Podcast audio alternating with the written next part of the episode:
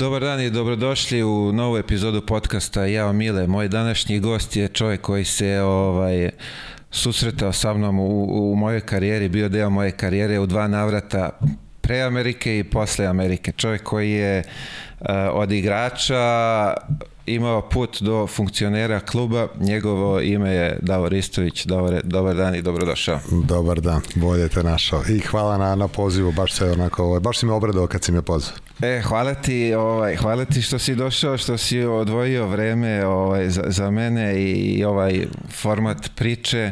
Drago mi je da si tu i drago mi je da ćemo provesti ovih sat i po, verovatno možda manje više, ovaj, da ispričamo neke zanimljive priče koje smo pro prošli zajedno. Da.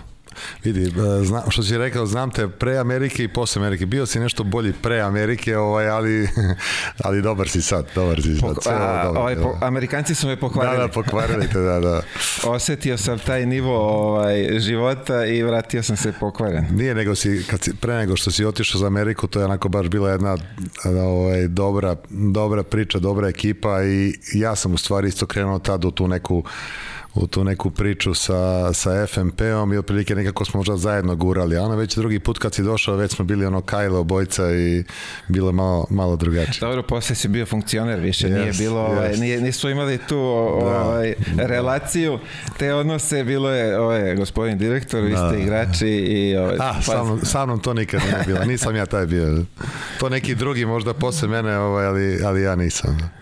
Šalim se, u svakom slučaju e, prošli smo jedan period zajedno i mogu ti reći dobar period smo, ovaj, bio nam je uspešan taj zajednički. Boga mi, Dobro, ovaj drugi veoma. deo tu je malo Vidi, onako, mi, da. To je isto okej, okay. to je imalo, to je bio stari neki početak ovaj, neke druge, druge priče, ali taj naš zajednički start u FMP-u od 2002. Ja sam od 2002. bio u FMP-u. Tako da sam i ja došao, da. da. to je tu stvari zajedno smo i startovali, zajedno smo startovali ovaj, u FMP-u, jer meni stvarno, pogotovo što sam kao klinac se pojavio tad u, u klubu, te godine FMP i počeo da igra ULEP kup i ja sam bukvalno sa 26 godina krenuo da vodim komunikaciju sa, ne znam, ULEP kupom, e, tad još nije bila ABA liga, krenuli smo naredne godine, krenuo sam da putujem sa ekipom, tu je bilo dosta igrača koji su bili recimo negde mojih godina, ne znam, bio je Goran Nikolić, bio je Reggie Freeman, Aškabić je bio ovaj, nešto, nešto mlađi i tako sad ih ne nabrajam, ne nabrajam dalje, ali onako jedna super, super ekipa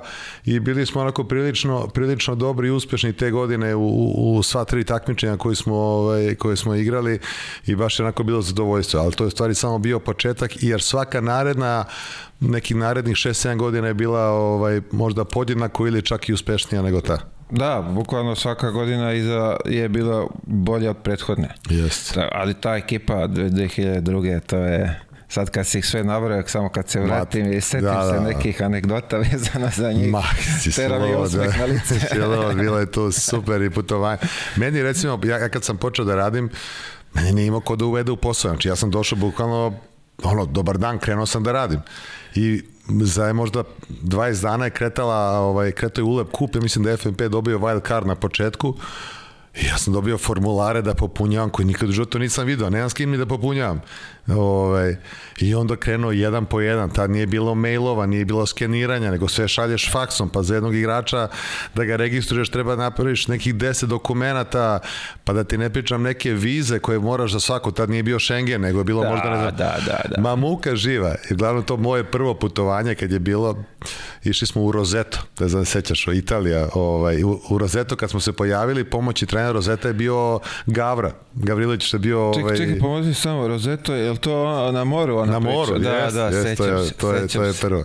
Ali ja, moj put prvi, ja sad se ja dolazim na aerodrom i sad vi igrači i stručni štab stajete svi na ovaj na onaj uh, pult, a ja stajem na kraj. Ja nemam pojma.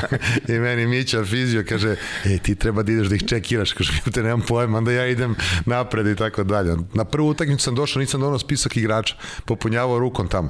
Znaš, niko mi nije rekao šta ja treba da radim, ali neke stvari si u hodu radio, stvarno imao sam super ovaj, saradnike i u stručnom štabu i recimo doktor je bio Gaga Radovanović koji je ono legenda, legenda ovde, ovaj, da, da. i Mića koji je dalje u Zvezdi, tako da sam i oni mnogo pomogli ovaj, u startu, ali bilo je tih nekih poteškoća, ali normalno kad si mlađi to mnogo lakše ovaj, problem. E, sveći se kad se već pomenuo to čekiranje, mrzeo sam, pošto sam bio najmlađi u tom momentu, onda se ja morao s tobom da ostavim da ubacim yes. sve torbe.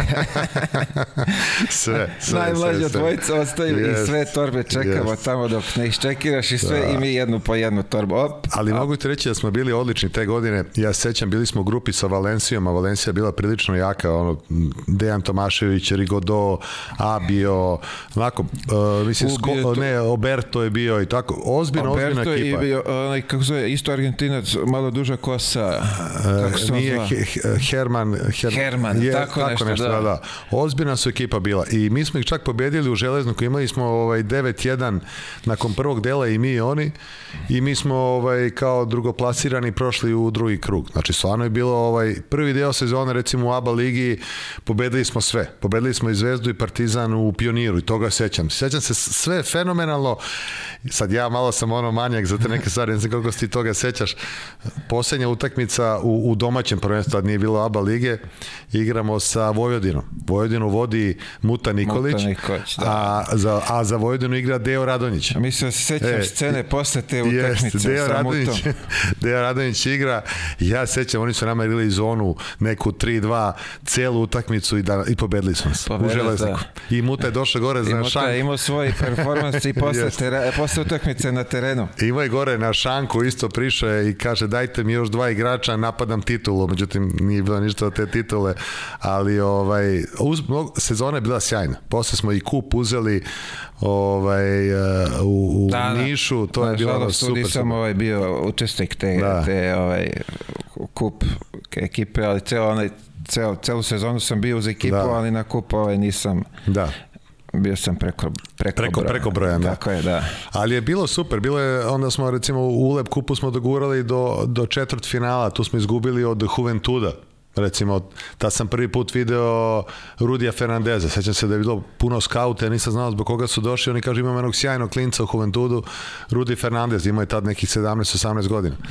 Tabak je igrao, da igrao je neki Dig B i tako dalje. I ono što, čega se sećam da je utakmica u, u Badaloni e, bila prepuna hala i da su nas onako prilično ovaj, e, zgazili tu utakmicu, tako da smo ispali u četvrt final, ali smo im posle vratili, posle ovaj, Čekaj, ne mislim, kad par sad godina, spo, da. spo, spomeneš Juventud, je li to kad je pokojni Mika Šraka zaboravio patike pa u cipelama vodio tren. Jest, jest, jest, ja se sećam nekih da. drugih stvari ovaj, koje, koje teško možda izbaciš. Ovaj, to je, a, Vidi. ko ne zna, to je ovaj, bio kondicioni trener eh, tada eh, Železnika, inače lični trener Dragutina Topića i ovaj, mi smo krenuli na put, čovjek nije uspakovao patike i došli smo u Španiju, on se presukao trenerka sve, pojavlja se na, na terenu, trenerka, ona klubska i yes, cipele dole šimike crne.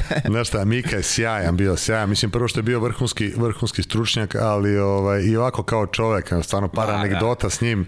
Jednom smo išli na neki dnevni odmor, to je ono kad ovi ljudi koji ne znaju kad ne ideš da spavaš, nego odeš pred utakmicu u hotel, malo da odmoriš i pravo na utakmicu i posle utakmice se vraćaš.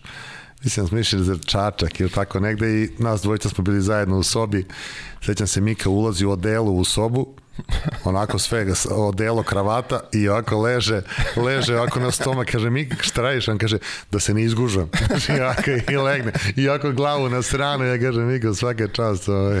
Ne, on je bio, on je stvarno bio car. To, to rado, ovaj, često pričam, kad god se ovaj, neko umori, sećam se njegove o, onih kondicionih trenera, a, treninga ujutru sa onim pulsometrima da, da, da. i sad to je ono trčiš, rikneš i u nekom momentu počnemo da se žalimo. Mi ko umiremo, ne da, možemo da. više. De boli? U nogama, u nogama i treba da. nastaviti. Da. I onda sledeće kao, ti se žališ, de boli u grudima, u grudima i da, treba da, samo nastaviti. I onda kao, čekaj, nećemo više se žalimo, šta god kažemo, tako treba. Te, te godine je trener bio pokojni Aca Petrović isto, isto jedan sjajan, sjajan čovek ovaj, i, i pravi onako sportista i Ovaj, baš dosta njih smo ispratili, ti koji su, Nažalost. koji su bili u, u FNP-u sa nama. I, ovaj, znam da je u jednom trenutku posle, posle pre kupa Eh, je došlo do promene i došao Vlada Đurović za trenera. Tako. I gde je Vlada skroz promenio način treninga. Sećaš se, eh, kod, eh, kod AC je bio karantin uvek, bili su, ne znam, ti treninzi pred utakmicu. Vlada je to sve izbacio, pobacio na njegove treninge sa dve, tri lopte i tako, onako, baš je malo ako razdrma ekipu. Sećam se na kupu da smo u finalu dobili hemofram 20 i nešto razlike. Bukvalno, ovaj, i dobro smo gurali. Dobro smo gurali ovaj, do, do kraja. To smo izgubili četvrt finale Ulep Kupa i na kraju smo finale, finale s Partizanom. S Partizanom, jest. Sa... Meni je ostalo u sećanju, uh, ja mislim da je prva naša sa Partizanom u Pioniru. Jest. Pun Pionir. Jest. Ja mislim koliko je moglo da stane, pa je bilo još da. toliko. Ovaj, I Vesa Petrović tad se vraća prvi put. A, sa majicom. Tako yes. je, sa majicom i ono i cveće A, i sve. I, i neka scena. Da, da, bilo je to, uručili smo da, prikladne poklone, što yes. bi se reklo. I sećam se scene, da je to bio time out ili je bilo polovreme i pokojni jaca na Vesu to je bilo, da. to si onda noćni izljubili te, da, ajde igraj me, probudi se. A ja sad ću još jedne bolje, bolje priče, uh, isto te sezone bila pred derbi, recimo u regularnom delu. Ne znam, ljudi, pretpostavljam, koji prate košaka znaju Macana. Znači, Macan je naš, naš brat iz, iz železnika koji je ovaj, pomaže tamo i, ovaj, i fizioterapeutima i ekonomima svima pomaže, i, ali su ovaj, onako, do, dobar je sa svima bio. Sjećam se, pred jednu utakmicu bila neka zezancija sa njim, Sloba Popović, Sale Bratić i ne znam, Mikica Marković, ta ekipa. Pa je krenuo da ih juri sa nekim štapom i naleti na vesu u hodniku slučajno i, i štapom dole u palac i polomi mu ovaj nokat. Ja, Aca pokojni poludeo. Ste vi normalni, šta, šta vi radite, ono, koji ste vi profesionalci, ono. Ali ne, dobro, bilo je da. tu, stvarno, tu je bilo toliko anegdota i kad smo već kod Vese Petrovića, ovaj, kod Ace Petrovića, to je, stvarno s njim mnogo dobar čovek i, yes. i bilo je scena da je bio za, pre, za plakanje da, sa njim. Da, da je bio pre, pre emotivan, do, toliko je to sve onako shvatao lično da, i da. baš je onako davao sebe pre, uvek ono 100%, znači nije bilo šansi da on to nešto otalja i trening i mislim da mu je to ono prilike na kraju i odmoglo dosta jer mislim da se, jeste, da se potrošio ovaj, previše i to je to teški, mislim, yes. po, pa kad nekog poznaješ, ovaj, malo duže i, ovaj, mislim, kad ne, čak i nekog kad ne poznaješ, pa ti bude ovaj, teško kad, kad, kad odeš s ovog sveta, ali čovjeka s kim si radio i imao prilike da sarađuješ dugi niz godina, ona bako, težak moment. Da. A, ajde da se vratimo na početak. Kako si uopšte ovaj, zavoleo košarku? Ti si da. isto bio igrač. Ta... Jes, jesam. Ovaj, nije ona tužna priča, povredio sam se pa, pa nisam ovaj, mogao. Nije taksi priča. Vidi, bilo je malo, ali nije toliko. ovaj. Pa, e, normalno u početku je to bilo nešto onako u kraju ovaj, rekreativno, ali sam negde recimo u osmom razredu otišao tada na trening e, taša to je kasnije Beo Vuk, ali ja sam, ja za, za sebe kažem da sam igrač Taša i je to Beo Vuk i to je bila neka druga, druga priča kasnije. I došao sam kod eh, poznatog trenera i, i ovaj, sportskog radnika Miša Vakića. Ovaj, to je onako daleko bila, poznatog yes, sportskog radnika. Ovaj, Miša je onako jedan vrlo specifičan, specifičan čovjek i ne znam koga koliko poznaje. Ja i dan danas ovaj, imam eh, odnos sa njim, onako jedan prijateljski i tako dalje. Ja sam imao nesreću baš u prvom srednje, ostao sam bez oca rano i to je recimo neka 92. ona najgore vreme i u to vreme nekako on me baš prihvatio i nije mi dao da onako vrdam levo desno i stvarno ta naša ekipa je bila neverovatna, mi se i dan danas družimo, ja sam bio recimo skoro četiri godine cimer sa, sa Dejanom Milovićem pa recimo ovaj kondicijen trener Duško Marković koji je bio u stručnom štabu, A, on je bio s nama i igrao i tako. Ima još par momaka koji su, neki su u sportu, niko, neki nisu, ali onako držimo, držimo neku relaciju ovaj, sa njima, ali e, jednostavno e, ja, ja živio sam tada i sad živim na, na Ceraku meni nikad nije bilo teško da ja sa Ceraka sedem na autobus svako veče idem na Karabur Znači svako veče. I uveče dolazim kući u 12, pola 1 kad stignem. Da li ima autobusa, nema autobusa. Ali e, jednostavno mislim da to je nešto što sad i, i nedostaje jer deca prepoznaju kad je trener posvećen, da li trener to odrađuje ili ne odrađuje. Miša nikad to nije odrađivao. Znači mi smo stvarno bili onako ovaj jedna dobra jedna dobra grupa ovaj momaka i onako nije to možda bilo najtalentovanije selekcija, ali smo mi recimo bili treći u Jugoslaviji kadeti i treći u Srbiji. Na primjer, Zvezda Partizan su se tu menjali na prvom mestu, ali ako vam kažem da sto generacije bile recimo u, u Partizanu, Rašan Esterović, ne znam, Glintić, Čanak, e, sad neki igrači koje vi možda ne znate, ovaj, ili u Zvezdi Peđa Stojaković, pa ne znam, je Stratijević i tako dalje, to su stvarno bile ovako dobre, dobre generacije. To kad smo bili prvaci, kad smo bili treći Jugoslaviji, tad je četvrta bila ekipa ovaj Primorja iz Herceg Novog za koju je igrao Peđa Saović na primjer. I, ja sam, I onda, pošto je tad bila kriza, normalno nisu spavali po hotelima i slično, nego je svaki igrač spavao kod jednog iz, iz Taša. I Peđa je došao spavao kod mene. Tako da ja Peđu znam od neke 93. Peđa je posle toga išao i u Partizan i i ne znam, otišao na koleđ, pa je bio ovaj, u dve NBA ekipe, pa posle toga u Španiji, GM već godinama je bio ovaj, nekoliko klubova u Španiji, tako da, eto. Imao sam prilike s njim ovaj, da, da igram, da. tako da. Jeste, košarka je neverovatna, znači toliki, toliko ljudi upoznaš i toliko imaš mogućnost ovaj, mi smo recimo išli neki turnir, sećam se 92. pred sankcije u Švedsku u Švedsku autobus, znači nas, nas wow. ovaj 12, to je ono dva dana putovanja. Na Naprimjer, tad je Partizan bio, e, mi smo 76. 77. godište, tad je Partizan imao neku fenomenalnu ekipu 78. 79. Tu je bio Ratko Varda. Varda da. da. Bio je posle Vlada Vidačić Vlada iz Vidačić, I recimo tad je s nama bio Igora Kočević. On je tad bio nešto na, teo da pređe u Partizan, pa nije uspeo. Čekaj, bio sa vama u Beovuku i... Ne, ne, ne, u, u, Partizanu. U Partizanu. U partizanu. nije, da. mogao, nije mogao da pređe. Nije mogao da pređe, ali je bio tamo, bio na tom turniru i to je to. A recimo, tad je bila ekipa Slovana, ovaj, koja je došao na turnir i tad je Novica Čičić koji je bio ta trener te ekipe Partizana video njega u Slovanu i već ga naredne godine doveo u Partizan. Tako da eto, to su neke stvari.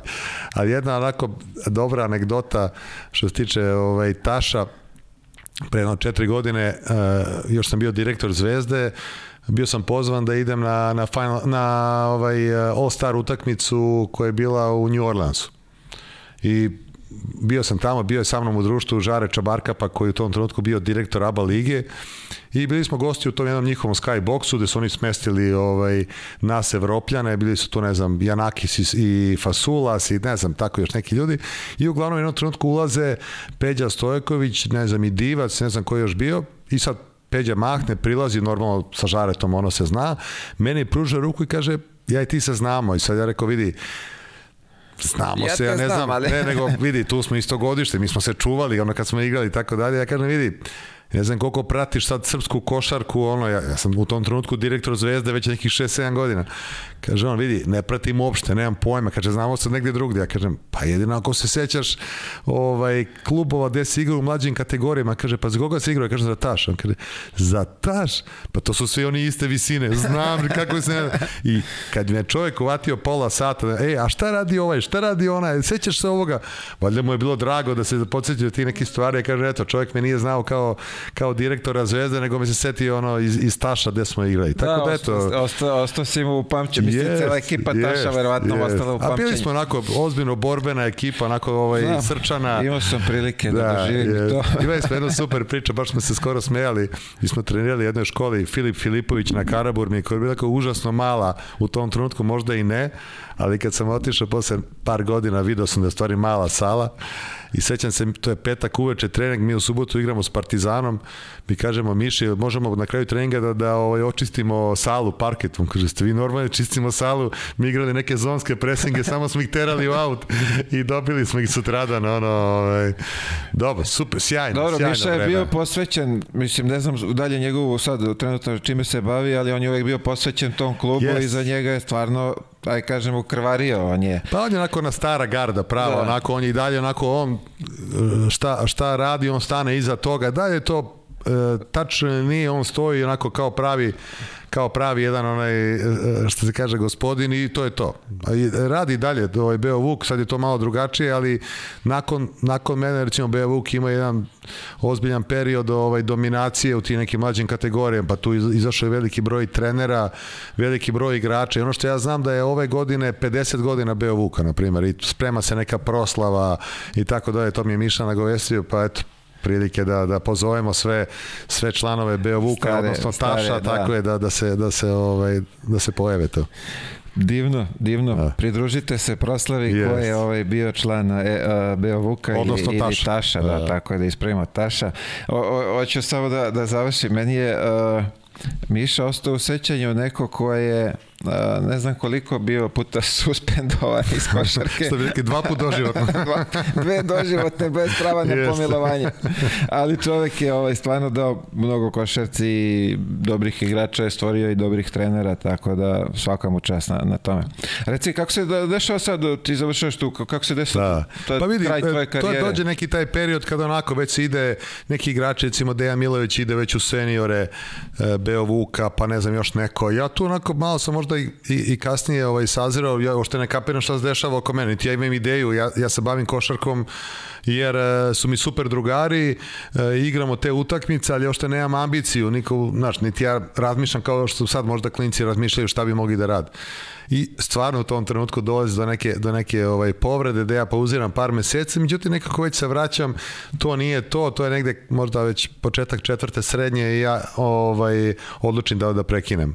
Posle sam ovaj, Uh, ima poziv parti nekih klubova, recimo znam Čukarički, tako ja odem tamo, međutim mene u stvari uh, to društvo i nekako, Nije da, i ja nisam jednostavno, posle sam igrao basket i za školu i tako, to su bile neke dogodovštine, neke naše, ali nikad više se nisam vratio nekom ozbiljnom ovaj, bavljenu košarkom, tu je bilo ta neka srednja škola gotova, fakultet, krenuo na fakultet i vidio da onako to prilično sve je turbulentno oko mene, vrlo, vrlo jedan težak period za nas, onako onako porodično, kažem bi bez osobe, bez oca i brat i ja smo tu ovaj, u školi i ja odlučim da krenem u vojsku da bi razmislio šta ću. I odem u vojsku, bio sam u vojsci godinu dana i tamo se ukapiram da hoću se bavim trenerskim poslom.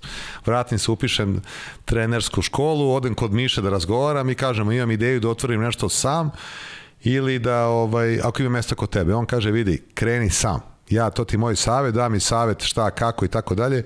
I ja sve širim drugom 97. godine osnujem KK Cerak. I evo, taj KK Cerak i dan danas posle 25 godina funkcioniše, radi, super to ide, isto veliki broj dece, trenera, onako jedna porodična atmosfera, baš onako onako jedan jedna sredina za, za uživanje. I na kraju krajeva i tu je par igrača izašlo, evo sad igraju neki ABA ligu, neki su sad u Zvezdi, neki u Partizanu, neki, neki e, su preko... Ajde, recimo sad, koji su to igrači? Pa recimo, iz... evo e, Nikola Rebić, on je bio u Zvezdi, ovaj, evo sad u FNP-u ima, ima Nenad Neranđić, on je pro, bio kod nas skoro do, do prvog tima, evo ga mali Nikola Šaranović isto u FNP-u, Ovaj, ima par momaka koji su negde na, na koleđima, neki koji su igrali neke Rumunije, Mađarske, evo ga recimo sad završava karijeru, neki Nemanja Barać u slog iz, iz Kraljeva, sjajan jedan momak. Bilo je tih momaka, recimo trener Milan Mandarić od nas otišao pravo, pravo u zvezdu, pa je bio i trener nekih mlađih, mlađih uzrasnih kategorija. Tako da ima, ima, ovaj, ima igrača, ali kažem, mi smo onako jedna e, grupa bukvalno entuzijasta, volimo košarku i kad se pojavi neko dete koje je onako talentovano, apsolutno odrešene ruke ide dalje i, ovaj, i to je nešto što onako meni neki super, super onako mi smo tu zato što ima puno dece koje vole da treniraju košarku, a možda nisu za ove najbolje klubove. Zato mi smo tu. Puno se putuje, puno se ovaj, takmiče i tako. Eto, to mi je nešto što mi je onako ovaj, od, od tog trenutka, od te neke 90 97. pa do danas ostalo kao deo mog života i nadam se ono da će biti još dugo. Uh, sad vi kao klub jeste imali vi prilike što radi uh, aj kažemo Zvezda Partizan FP Mega da dovedete neko dete sa strane pa, pa da teško, kod vas. Teško, teško. Nije, to je bukvalno lokalna lokalno karaktera, onako mi smo lokal patriote, ovaj i mi smo recimo onako dosta uspešni u tim nekim mlađim pionirima. Evo pioniri su mi sad ne znam u kvalitetnoj ligi, to je najboljih ja mislim 10 ili 12 klubova u Beogradu što onako super uspeh ako se zna da mi nikog sa strane ne dovodimo, nego to su sve deca iz naše škole košarke. I uvek ti neki koji su... Faktički, uh, šta je to, Žarkovo, Cera? pa vidim, Cerak... Mi smo se onako raširili prilično, tako da ima tu i Banovo brdo, Žarkovo, aha, Cerak, aha. Kanarevo brdo, Julino brdo i tako. Ali ovaj, taj deo Beograda. Tako je, to je taj deo Beograda. Ali kažem ti, ključ svega je onako jedno ozbiljno druženje. Imam trenere koji su u klubu, njih jedno desetorica koji su u klubu između 10 i ne znam 18 godina samo već što je neviđen uspeh. Znači, ono, to su ljudi koji rade neke svoje paralelne poslove pored ovoga, uveče drže treninge, mi se onako i družimo, ovaj, dosta putujemo, tako da eto, Moram reći što Lepa je, što je redkost na ovim prostorima yes, da se neko zadrži yes. ovaj, toliko dugo. Pa i nas trojica drugara koji smo to i krenuli, ovaj, smo zajedno dugo i svi kažu da je vrlo teško uh, da tako jedan partnerski odnos opstane ovaj, toliki niz godina, ali jednostavno dovoljno smo mudri, pametni, ono, već smo postali porodični ljudi i, i družimo se ovaj, i van, van terena, tako da jedna lepa priča, onako skroz. I baš sam srećan što i toliko traje i što smo mi toliko sebe dali ovaj, tome, mislim da je stvari to i, i ključ uspeha. Ključ uspeha. A, reci mi, spomenuo si e, pionirsko selekciju imate u... Yes. A, pošto sad malo prestao sam da igram, pa sam ovde, pa dobijam neke informacije kako to funkcionišu te mlađe. Jel misliš da je to ispravan način tih uh, mlađih uh, Ima tu puno kategorija. stvari, sad ću ti ja reći. Ja onako, pošto recimo meni sinovi igraju ovaj E, to neke, sad su neki pioniri kadeti ili tako neki uzrasne kategorije, ali pratio sam i te mlađe pionire. Ima, recimo, preno deseta godina e, pokojni e, Dušan Ivković je e, imao nekoliko predloga koji su usvojeni, koji su bile neke dobre stvari, recimo nema zone u pionirima, nije bilo trojki tada i tako još neke stvari. Međutim, ima neke stvari koje mogu stvarno se promene i mislim da to fali u Savezu, fale neki ljudi koji će da daju te neke inovacije, jednostavno mi moramo da pratimo šta rade, šta rade drugi, jer Evo, na primjer, mi pričamo o toj nekoj jugoslovenskoj školi košarke ili, ne znam, srpskoj i tako dalje. Ja, ja ne znam šta je to. Ne znam, ne, ne znam, ne vidim koji je to način igre da kažem, evo, svi igrači šutiraju ovako ili svi igrači, ne znam, igraju agresivno ili tako da. Imao sam prilike pre dve godine da budem u Španiji baš s jednim dečakom, ovaj, Baskonija ga zvala na probu pa sam bio s njim jedno 5 dana da vidim kako oni treniraju i gledao sam baš recimo uzrasne kategorije U14, U16 i recimo U17 Tamo treneri svi isto forsiraju. Recimo, svi imaju taj onako onaj njihov odnožni, široki dribling i onda ja kad razmislim, pa neki Sergio Rodriguez, pa neki e, Ljulj, pa neki Poribas, pa, znači svi igrači imaju sličnu, sličnu ovaj, karakteristiku kod tog driblinga ti njihovi playmaker ili dvojke. Onda recimo strašno traže svi da se igra onako u tranziciji, brzo, atrak, onda recimo kod nas sad u mlađim kategorijama ja vidim igra se neki poznati španski pik Da Kaže, moguće da mi igramo španski pik, imamo mi neki srpski pik, ili imamo mi nešto naše. E, to je ono što onako, ja sam siguran da u tim mlađim kategorijama postoje neke varijante. Sada da, ne gušim priču, ne znam, u mlađim pionirima igra se pasarela sistem i to je, e, e, nema izmena. Znači igra se po 8 minuta, igra u prvoj četvrtini je petorica igrača, u drugoj e, četvrtini je druga petorica. I kao tu nema promena, nego koji su ušli, ušli. Ja kažem, dobro, ako ekipa ima 12 igrača, zašto ne uvedete da po ovaj jedan igrač bude u prvoj petorci izmena, a ovaj drugi u drugoj petorci izmena. I svih 12 su igrali u prvom trenu. Mislim, to je sad neka sitnica, nego ja sam na terenu pa to vidim.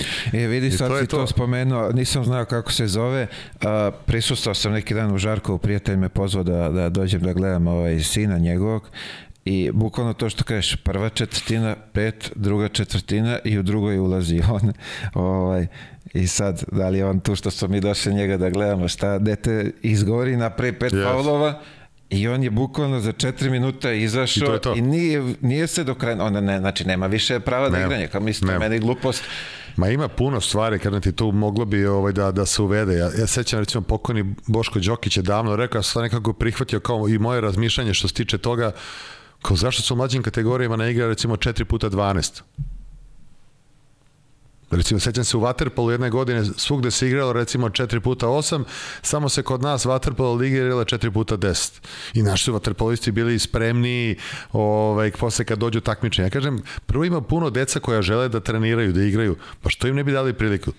sala je tu, sudije su tu, ekipe su tu, pa zašto ne produži za 8 minuta? Da, nije to Mislim, nešto sada... Ja sam sad nabacio par nekih ideja razmišljanja, ali treba bi neko ko se bavi tim inovacijama u Savezu, pa da prihvati, pa da možda iznese na neko glasanje, pa da se klubovi uključe, da, da se mali, pak je košarka je mnogo lep sport. Znači ja, ja uvek kažem nekako košarka je onako, na kraju krajeva meni omogućila i tebi da sedimo sad ovde pričamo Tako o košarci, ovaj, zato što smo je zavoleli kao deca i počeli počeli da trenemo. Dajte da, da omogućimo deci da još više vole taj sport i košarku, jer to je nešto što je mnogo lepše nego da sede negde na, na, na ulici ili se bave nečim e, drugim. Ono što stvarno nisam znao, a i to je ta grupacija kao tih top, kako već super, ta liga za pionire, da, da. to kao... Kako Kvalite, si rekao, kvalitetna liga, e, da, da, da. kvalitetna i ovi dole nekvalitetni. Druga liga, regionalna e, liga i tako dalje. Ček, da. šta to znači sad? Ovi što su tamo negde, oni nikad neće imati prilike da... Ne, svake godine se igraju kvalifikacije igraš kvalifikacije i, i recimo prvih 12 ekipa one uđu u kvalitetnu ligu,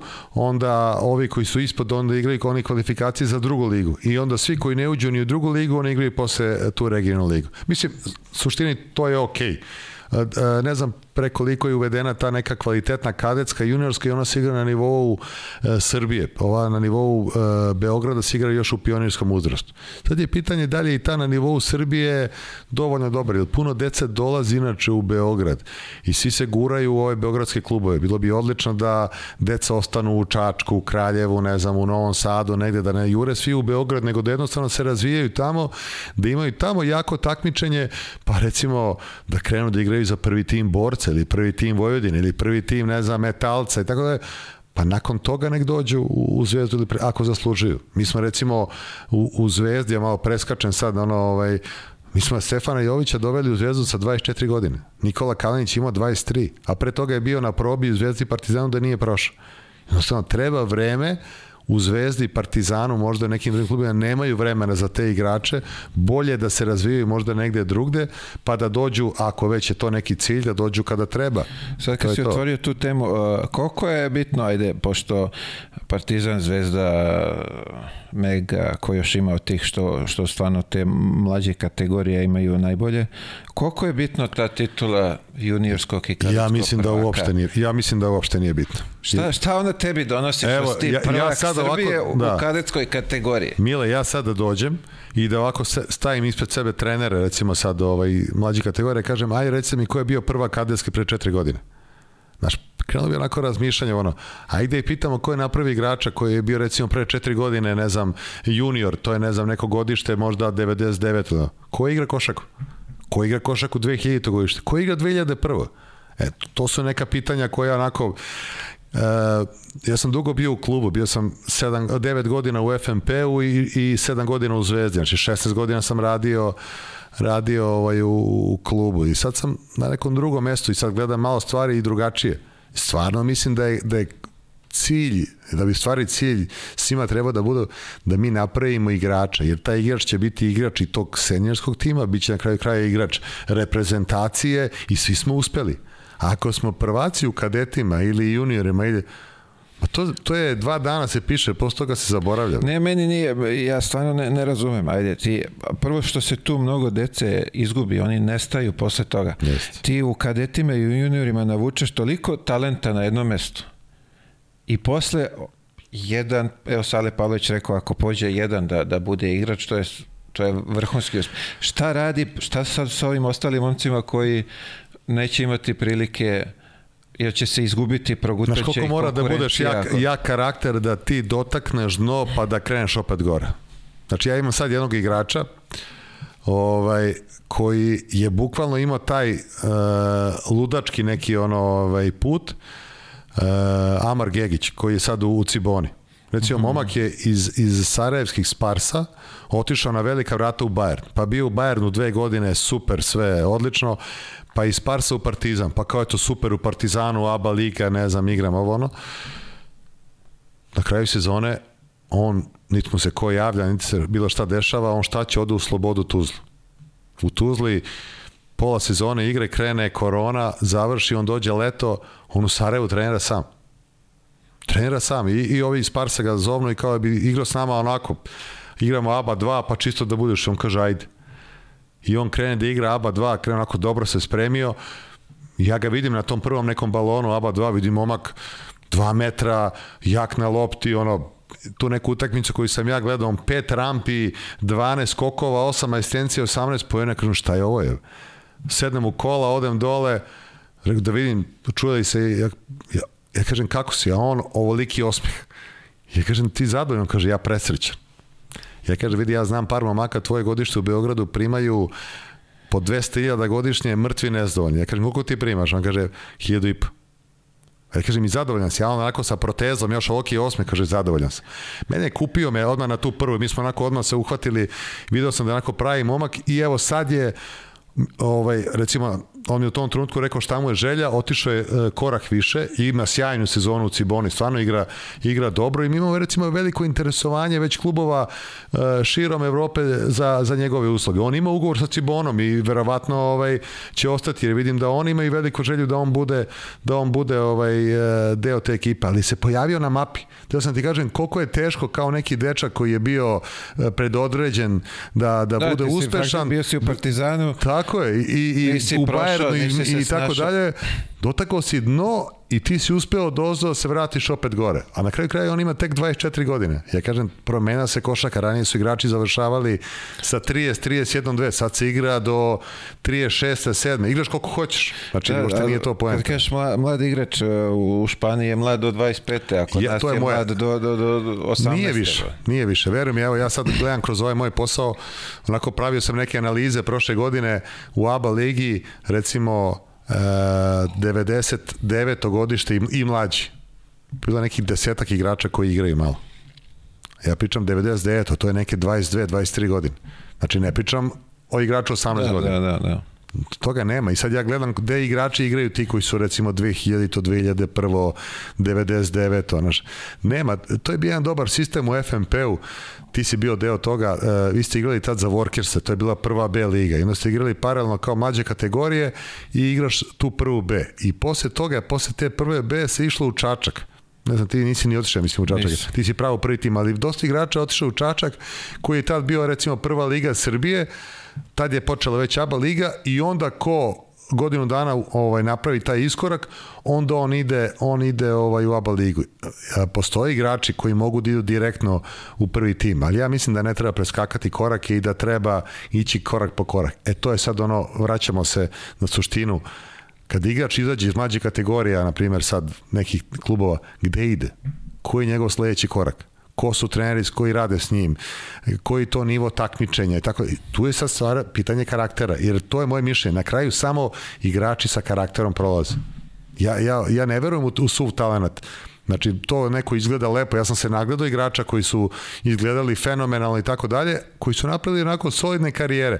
A video sam neke koji su onako Kada ih vidiš na ulici ne bi ni pomislio da se bave košarkom, a oni napravili sjajne. Recimo, naš drugar Marko Marinović, koji je sad trener Borca i Čačka. Ja sećam njegove priče kad je već igrao za Borac, pa odigrao neku sjajnu utakmicu, pa došao na sledeću, neće ga pusti ovaj na ulazu, Kaže, idi tamo, publika je s druge strane. Kaže, pa ja igram. Kaže, ti igraš, ma kaže, idi s druge strane. No, on zove ovaj iz kluba da ga uvedu. Znaš, to je pitanje karaktera. Znam i Malina kakav je bio igrač u FNP-u i posle kad je bio u Zvezdi i tako dalje. I sad on to kao trener pokušava da prenese svojim igračima, ali ono što ja samo pričam, karakter se ovaj, gradi i teško je da ti sad nekom igrača koji ima sve obezbeđeno, da on sad baca se po terenu, da se bori i tako dalje. Znači, ja sećam baš kad je bilo neko finale juniorsko 87. godište u Železniku su igrali i sad recimo u, u, u FNP-u su igrali Aleksandrov, Labović, Teodosić, stvarno onako jedna dobra ekipa a za Beovuk su igrali Štimac, Trča i ne znam sad ko je tu još bio Vanja Guša je bio trener Beovuka. Sećam se ovi iz Beovuka, bacaju se na glavu, bacaju se u reklame i sad baš ja pričam sa, sa ljudima ovaj, u FNP, oni kažu pa je moguće ovi tamo u Beovuku plaćaju članarinu, ne znam tad koliko je bilo, ovi naši imaju stipendije, imaju sve, ja kažem pa baš zbog toga se i bacaju. Oni se da bacaju jer se bore, da jer se bore, a ovi naši misle da je to to. E sad, tu treba naći balans toga šta mi dajemo, šta deca misle da se podrazumeva i tako. To su sad neke stvari koje su onako ovaj, jedna široka tema i to su ljudi koji se bave, bave e, tim delom u klubima, moraju da procene šta je to što mogu da, da daju igračima, šta je ono što oni moraju da zarade.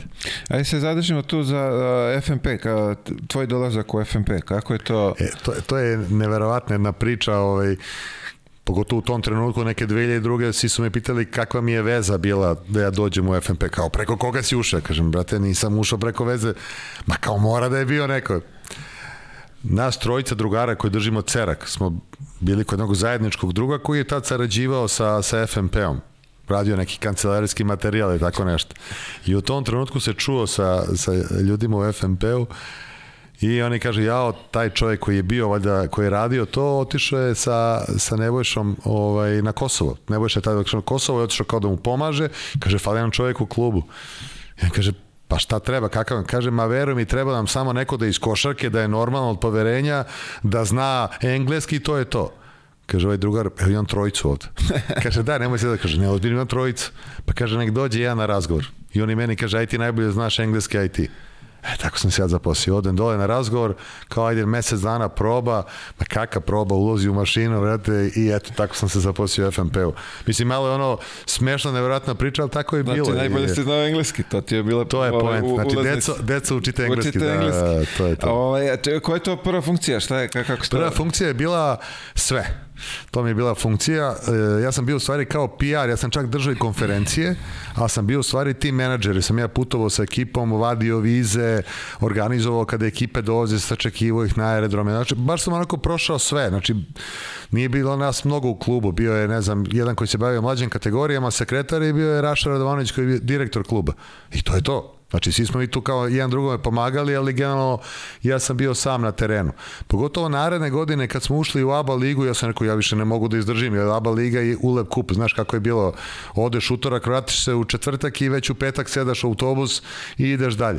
Tako da ovaj, taj FNP onako baš bio mada kada imaš 26, 27 sve možeš, pa znači nije, nije, nije sve, ali mislim da je i ekipa ljudi koja je bila i ti igrači, jer i posle ti neki igrači koji su dolazi, sećaš se ne znam, te prve godine odu Goran Nikolić, ode ne znam Freeman, ode Vesa Petrović, pa ne znam, pojavi se e, ko je došao, e, Rašić dođe naredne godine, uh, e, Regina se vratio, ne znam, došao Kimani, bio je tu Vanja Plisnić i tako, znaš, bila je tu grupa onako baš dobrih momaka generacijski smo bili tu i onako baš je bilo uživanje, pogotovo što si igrao dobro.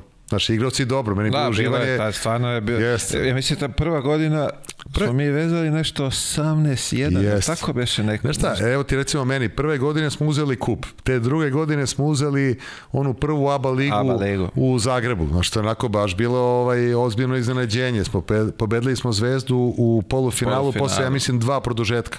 Tako je nešto tako bilo. Tako je, bravo, 110, tako 100, nešto, 108, tako nešto. neka luda. Ovaj, I u finalu smo pobedili Cibonu, ono, pola koša, Sale Stefanović, dva bacanja da ali ta godina je bila zanimljiva, tad smo u Uleb kupu uh, igrali opet sa Juventudom i tad smo ih izbacili. I Sećam se te utakmice, oni su pustili besplatan ulaz Ovo, ovaj, to je velika hala u Badaloni i sećam se došao je Hristo Stojičkov da gleda utakmicu. Ja se sećam kao Hristo Stojičkov došao da nas gleda. Ovaj. I tad smo ih pobedili. On je došao da se bio Džabi Ulas. Jeste, Džabi Ulas, da, da, da. Ovaj, tad smo dali neku trojku preko celog terena za produžetak. Mislim da je čak Sale ja, Stefanović. Sa, sećaš tako je, sećam se toga. Jest. Da, da, da. Sećam se da smo u povratku, da sećaš toga, Vlada Đurović je volio mnogo se karta. Znači da smo igrali, stalno smo igrali kontra tablić, onda smo igrali on i ja, protiv Vuleta Mandića i Jaškita. I sećam se, mi smo se čarterom vraćali i pobedili nešto, onaj mali avion, ja mislim da smo sleteli u pola pet u, ovaj, u Beograd. I bukvalno igra se zadnja partija, mi smo sleteli, kaže Lada, stani, ne može niko da napusti avion, da završimo partiju i svi vi stojite dok mi završimo partiju. Ovaj. Ali je super bilo, mislim, tad smo ovaj izgubili ono polufinale u Hapoelu. Da, ovaj, o, o, u da. Jerusalimu, u stvari od Hapoela. Vili Solomon. Tu je isto to, toliko anegdota ima. Ovaj, ta smo izgubili, pobedili smo u Beogradu recimo tri razlike, imali smo zadnji napad a, ovaj, i promašimo i Jaške recimo napravi neki e, faul u skoku u napadu i oni dva penale i recimo pobedimo s pola koša. A tamo smo izgubili dva. I to je recimo Boki Popović šutno trojku, a mislim za pobedu da smo promašili na kraju da smo izgubili. Tako je nešto da, bilo. Da, nešto je bilo. bilo yes. Ne, da smo dobili tri, a dole je da, da- bilo... A dole recimo bilo četiri ili pet. Četiri, ali da, da. uglavnom da. znam da, da, smo, da nam je falilo možda baš tam dva poena koje smo izgubili, ali... Ne znam, Dobro, mora i onda i da kažemo da i Kimani isto tad je bila... Pa bilo je svega i svačeg, ali znaš što isto bilo... Čovjek nije htio da igra utakmicu, da. razboleo se, najgore yes. se razboleo ovaj, yes. na zagrevanju. Da, i... sledeće godine potpisao za Hapa. da. potpisao Hapa, da. Ali ja da se sećaš da je tad, recimo, jedno nedelju dana pred našu utakmicu ovaj, eh, bila velika eksplozija u Tel Avivu. Da, mi I da ta keramika, imali. ta keramika nije želela da ode na utakmicu Evrolige i oni su kažnjeni 20-0. I onda su nas zvali, pa sećam se ambasadorka Izrela je bila kod nas u železniku da garantuje našu bezbednost i tako dalje. Mi smo otišli i to je bilo ludilo tamo kad smo došli, sećam se, ono, idemo autobus, bukvalno autobus, napred, nazad, ono, po dva, ona automobila, oni na motorima Mamo, sa strane, moram, to seća, to sam kada... prvi da put video kao ninđe, onaj prvi vozi, a drugi sedi, okrenuo mu leđa i sa, s onim šmajserom, kažem, šta je ovo? Da, da, I, da, ovaj, da, da, bilo ono, da, da, opsada hotela, nismo mogli da izađemo nigde, bili da, gore, da, sećaš da na kraju utakmice, u stvari pre utakmice došao predsednik Izraela i sa svakim od nas se rukovao pre utakmice da nam se zahvali što, što smo, došli. došli. I na kraju kad su oni prošli u finale, uletela je publika i svi su nam onako čestitali, grli nas, niko nam ništa nije ne, ovaj, radio. Ne, ne i oni su tad osvojili, ušli su u finale i pobedili Real Madrid u tako finalu Ula Kupa. I je. oni odustanu, nisu imali sredstava, odustanu od Eurolige i Real, Real uđe u Euroligu. Tako je Real ušao u Euroligu 2004. i od onda su krenuli posle da, da budu ono redovni učesnici Euroligi. Da, smo imali sreće. Pa da. Stvari vidi da je ja, i dalje malo ta situacija oko Kimanija cela ova, Jest, je bila, čudna, je bila, da, da. čudna da čovjek ali da su ga kupili pre noć, pred utakmicu ili kako je da. bilo, uglavnom da. Pitanje, pitanje šta je bilo, ali onako, ovaj, posle toga seća se Vlada Đurović da otišao, došao je, došao je Boško Đokić, pa smo sa njim osvojili e, Aba ajde sad Ligu, to, da. da. kad spominješ, uh, mi smo napravili noć pred put u Zagreb, napravili smo trening i sastanak. I dogovorili se sve, scouting, vamo tamo, ujutru ulazimo u autobus, ne, nema, nema trenera. Nema trenera, jeste. Ti si tad bio tu, hoćeš da nam kažeš šta se to izdešavalo? Pa koja, to je, je bilo to? neka, e, iskreno nisam bio na tom sastanku gde je došlo do toga, ali sam dobio informaciju da Vlada Viša nije trener, da najverovatnije će doći Boško Đokić koji je tad bio trener borca, mi smo s njima imali saradnju, ali ako Boško ne dođe, Vlada Vukojičić koji je bio tad pomoći Anos. trener, on će voditi ekipu. Mi smo ušli u autobus, krenuli na put, nema trenera i mi ko, ajde, yes. E, dobili smo informaciju i doći će on naknadno. Da. I mi ono kao, ok, aj doći će nakon, niko ništa ne zna. Dolazimo u Zagreb, smeštamo se u hotel, Severina je tu. Silazim, Severina, da, Severina smo sedeli u, u Mirisale. Kao, Zajedno smo bili u Mirisale da, da, da, kao boginja. U Šta kaže, momci, vi neki sportaši. Ne? ovaj, i silazimo na ručak, pojavljao se Boško Đukić. Jest, došao, došao Dobar, kolin. Da. Ja, da vidi, Čak i, da, čak i dan pre toga je bila konferencija za novinare. Sećam se tad, mi smo se zvali tada Reflex, ne znam, sećam. Da, da, kako sećaš. I tad su bile pro, uh, prodajni centar tog Reflexa je bio u Knez Mihajlovo i tu je bila konferencija za štampu. I ja sam vodio konferenciju i tada i da, pa sećam se... Da, pa mi smo bili, ja mislim, tu smo svi se pojavili. Pa jeste, moguće. Tako nešto Uglavnom, bilo. treba da počne konferencija, nema, nema džure. I ja sećam se, svi se skupili, onako puno novinara tad je bilo i tako dalje i recimo konferencija u 3, ja u 5 do 3 zovem Vladu, kažem Vlado desi, on kaže ja me u Kosovskoj igram šah. I ja kažem konferencija, kaže jo, ja zaboravio, kaže evo sad ću. I ja sećam se, kažem novinarima, Uh, malo je gužva u saobraćaju, kao oni kaže koja gužva, Vlado živi tu i onda je došao. Ali je to, to, je, to je bilo to veče, jednostavno došao je do neke ovaj, do nekog problema i vlada ovaj, je podneo ostavku i na kraju krajeva došao je Boško.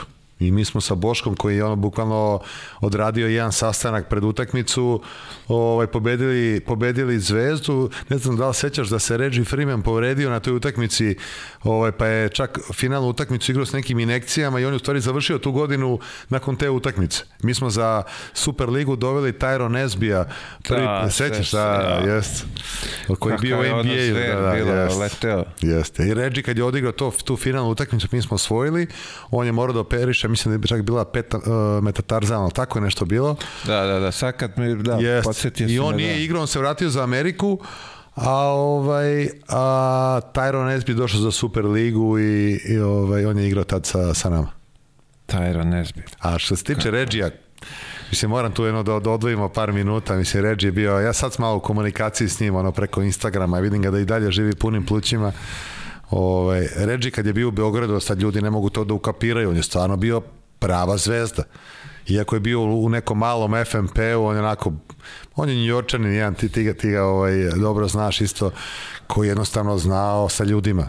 Da li je to, ne znam, uh, management FMP-a, da li je, da su oni ljudi koji su tamo domari ili ne znam, tetkice ili, ili treneri, ili su to devojke u Beogradu, jer sve te u tom trenutku manekenke, pevačice, to je sve prošlo kroz njegove ruke. Ono, mislim, ono, bilo ih je mnogo anegdota s njim, ali recimo, ono, meni je neko je ostalo u glavi, e,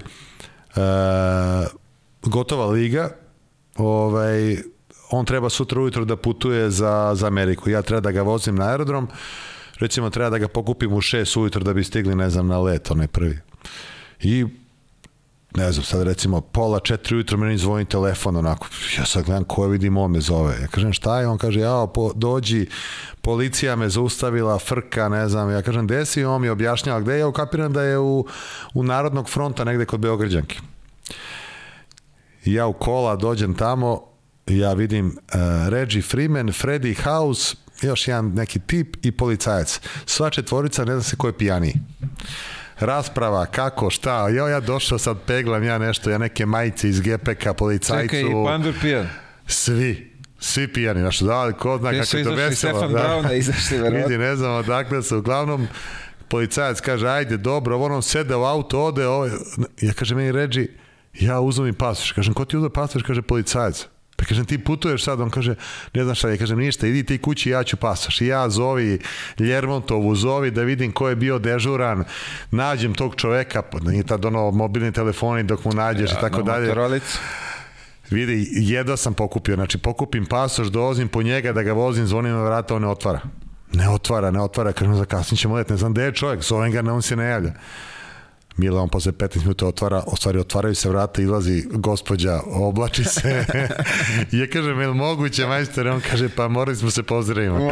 Eto, tako reči, stvarno bio onako jedan ozbiljan, ozbiljan dasa, ovaj, jedan onako... Njujorski mangup. Da, nije onako bio onaj kažeš pravi, pravi stranac, do, došao sam ovde da odradim posao, nego onako baš je ovaj, saživeo se sa Beogradom i, sa ljudima u, u grad. Nekako lepo se uklopio i ovaj, a što se uklopio u ekipu, uklopio se i u noćni život, jest, tako da mu je da. sve mu je se ovaj jest, namestilo. Jest. Odgovaralo mu je sve. Pa to je onako da- bilo te godine recimo imali smo onoga, sećaš James Bryson koji je došao, da, došao je, jeste, on je došao negde u sred sezone i sećam se, mi došli na aerodrom po njega i sad vozimo ga ovaj, u železnik da ga smestimo par dana dok ne uđe u stan i sad idemo obrenovačkim putem, to je neki novembar, neka sumaglica i mi sa onog obrenovačkog puta skrećemo ka železniku, a tamo neki auto otpadi, onako magla, ja gledam njega, on razmišlja, gde sam ja ovo držao Vidi, nije prošlo tri dana, ja, tad je bila sova popularna, ja uveče u sovu, a on, ono, tompus, konjak, dve ribe, e, kao nazdravlja, mi pobedili neku utakmicu. Kaže, vidim da si se opustio, ono, pre dva dana nisi znao gde si. Vidi, dobro su oni e, ovde živeli, Jesu, ovaj, kod Carevi. Ne znam da li je i danas tako, ali u tom, ovaj, u tom vremenu stvarno su Pa to, da, taj, to je, ja mislim, prvi moment kad su počeli stranci da stižu. Yes. Ovaj... A i dobro se košarka igrala tad, znaš, recimo ono, bilo je, uh, mi smo recimo te 2002. treće igrali ulep kup sjajno, recimo sećaš se svaka utakmica u železniku, nije moglo se uđe u halu, koliko je bila guža, pa dođeš u pionir, puna utakmica, ono, puna hala, sećam se recimo sloga u Kraljevu, neka nama važna utakmica, sat i po pre početka puna hala. Znači, gde god si dolazio, bila je, bila je puna hal. Pa onda naredni godina isto, ovaj, e, ne znam, Hemofarm osvoji ABA ligu 2005. Mi igramo, mi osvojimo ponovo 2006. u Sarajevu.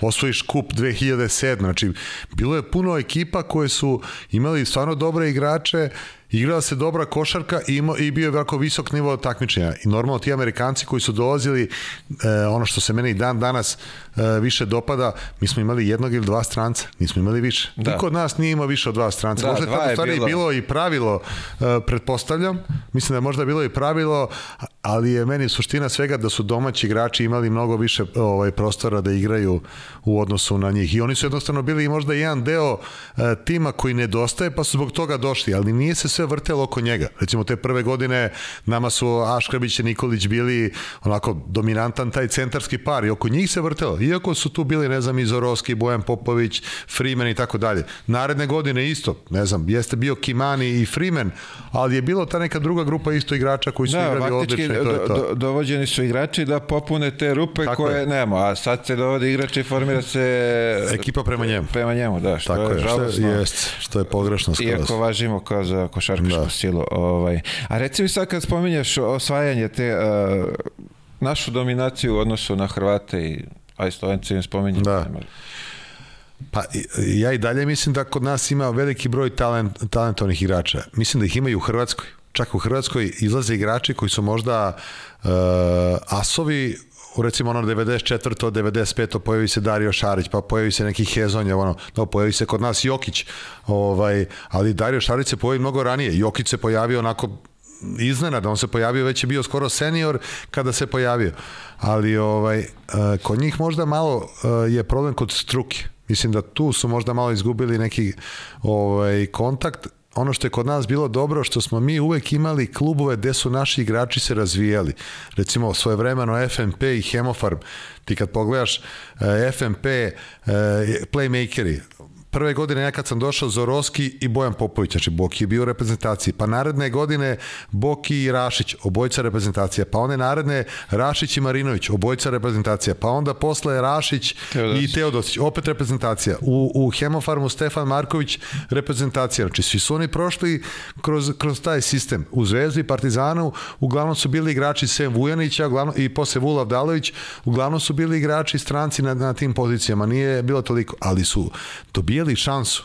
Znači ja to ono pokušavam da objasnim, recimo mislim ti si već otišao te godine u sezoni 6 šest, 6 7 nama playmakeri Rašić i, i Teodosić. Teodosić ima 19 godina. I mi recimo te godine e, u 20 kad je bila reprezentacija e, Teodosić je te godine recimo osvojio e, kup, igrao polufinale ULEB kupa, igrao finale ABA lige i to je igrao po 20 nešto minuta, bio da, odnosioc. Da, da. U Partizanu si imao Tepića koji je bio uh, igrao u Partizanu Euroligu, imao si uh, Dragovića koji je bio na UCLA-u, bio si Štimca, imao si Štimca koji je igrao tad u Litvani. Ivan Paunić, ozbiljan igrač u tom trenutku i tako dalje. Bilo ih je tu još. Mi kad smo došli na U20, Znaš, koja je to dominacija? Ja sad, recimo, gledam generacija 2002. Nema igrača da igraju. Ti igrači ne igraju košarku. Ili igraju na nivou kls to ja sad, ako ovo sad prebacim na ovaj nivo, trebalo bi da, ne znam, u, u Partizanu igra igrač sad Partizan čak i ove godine ima veliki broj tih mladih igrača, ali recimo da igra da jedan od nosećih ili da igra 20 minuta igrač koji je 2002. godište. Mi to nemamo. Nema ih ni, ni, ni u FNP-u, recimo ove godine se pojavilo, pojavio se neki Pavićević 2001. pa Mali Ostojić 2002. Šaranić 2003. Ali ne mogu da kažem da su oni nosioci, oni su dobili šansu, što je sjajno. Ali tih godina su igrači dobili mnogo ranije šansu. Čak ta, recimo, generacija godinu dana pre toga ti si bio deo toga, 2005. 6. Ja sam uzao, recimo, tako to me zanimalo, pa sam izlačio koje, koje godište bio tada. To su pre bili momci 20, 21, 22, 19, mi smo osvojili ABA ligu.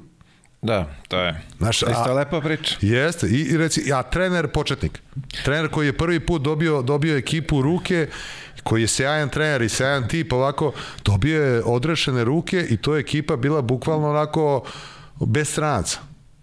Bez stranaca. Ne, imali smo bez stranca. Ne, nije. Bio je godina pre toga je bio onaj Chris Warren, Warren on je bio u sezoni četvrta, peta. A nije A u, bio... Ne, u sezoni peta, šesta, uh, Bekovski, ja ti, ti nabrojim ih ja sve. Bili smo... Na, koji ovaj- su?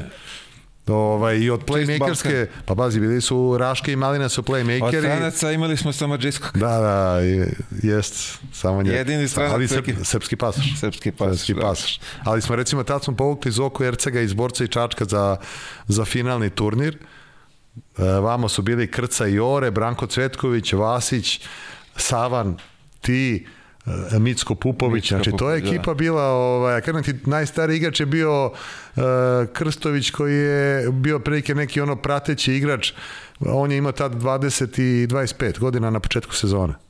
Znači, svi su ostali momci bili po 21-2 godine. To, to fali sada. I tu smo mi, recimo, bili godinama u prednosti u odnosu na, na ove ostale države u regionu. Ključ svega su domaći igrači. Znači, recimo, mi u sezoni malo preskačem jedan period, ali u sezoni 16-17, e, to je zadnja, e, poslednja sezona Dejana Radonjića u onom prvom mandatu, mi krećemo sezonu bez stranca. Znači, jedini stranac je stvari bio Jenkins koji je kao imao domaći pasoš i on je stvarno čak i, i, i, i veći Srbin nego Reggie Freeman, znači on je bukvalno ono, on obožava Srbiju i tako dalje, on, on zaslužuje pasoš. Mi smo krenuli sezonu bez stranca.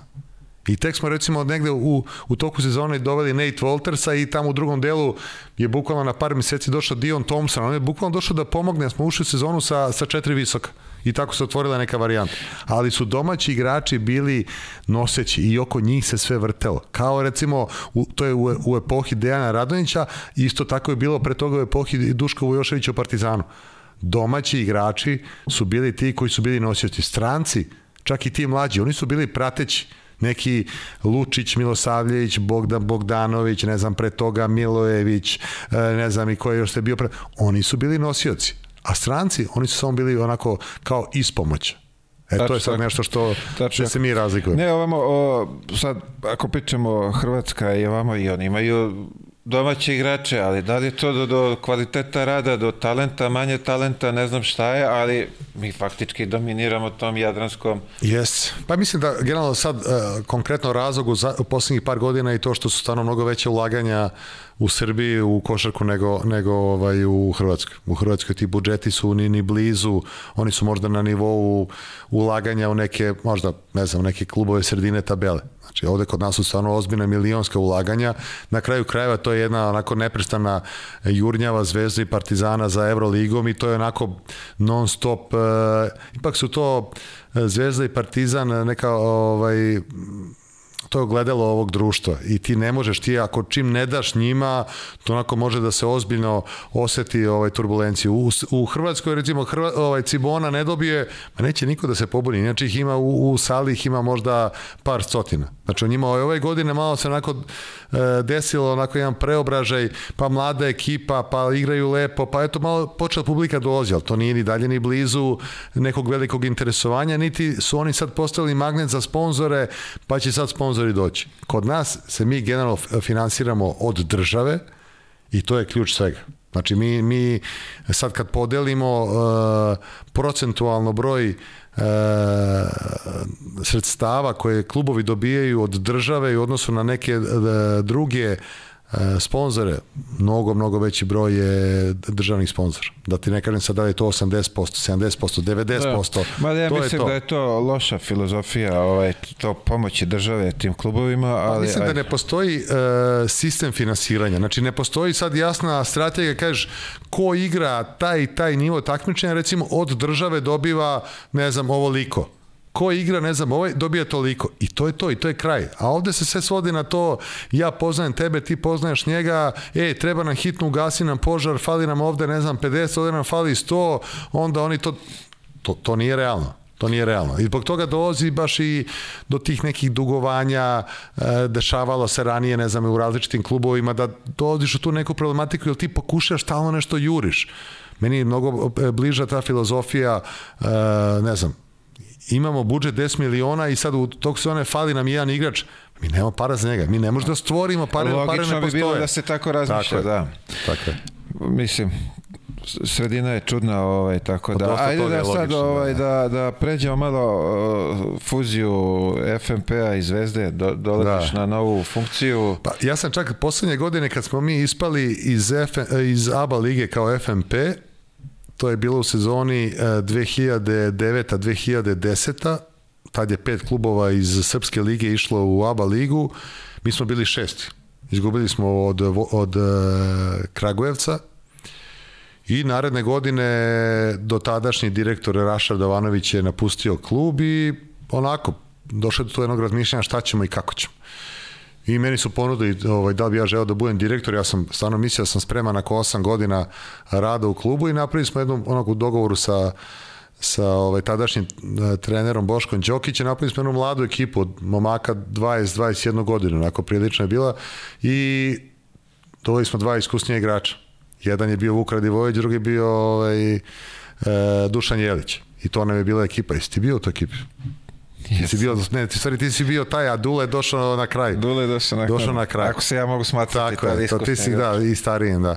Ovo, ovaj, I mi smo tada igrali KLS. I onako, kroz KLS smo onako videli da, da to ima smisla do kupa, gde smo htjeli u stvari da se izmerimo sa ovim ekipama koji igraju ABA ligu. I mi smo u četvrt finalu pobedili Hemofarm, u polufinalu pobedili Zvezdu i u finalu protiv Partizana koji je bio neverovatno jak. Znači oni su tad bili stvarno mnogo jaki Mi smo na polovremenu vodili nešto desetak razlike. Mogo je da bude i više da su nam dopustili. Na kraju je nekim spletom okolnosti došlo do toga da smo izgubili, ja mislim, 4-5 razlike i, i Partizan je osvojio ovaj kup.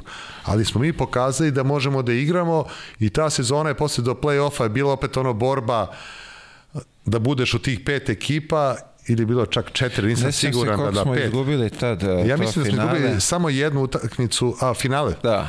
Pa znam ja. Sjećam se rezultata tačnog, ali 3 4 razlike, al smo vodili, ja mislim 15 razlike smo vodili. Imao sam neki očajan procenat bacanja, ovaj to, ali ono što nikad neću zaboraviti to i, i evo sad vidim tu sliku, ovaj bacam kontru Lazi, Laza 1 na 0.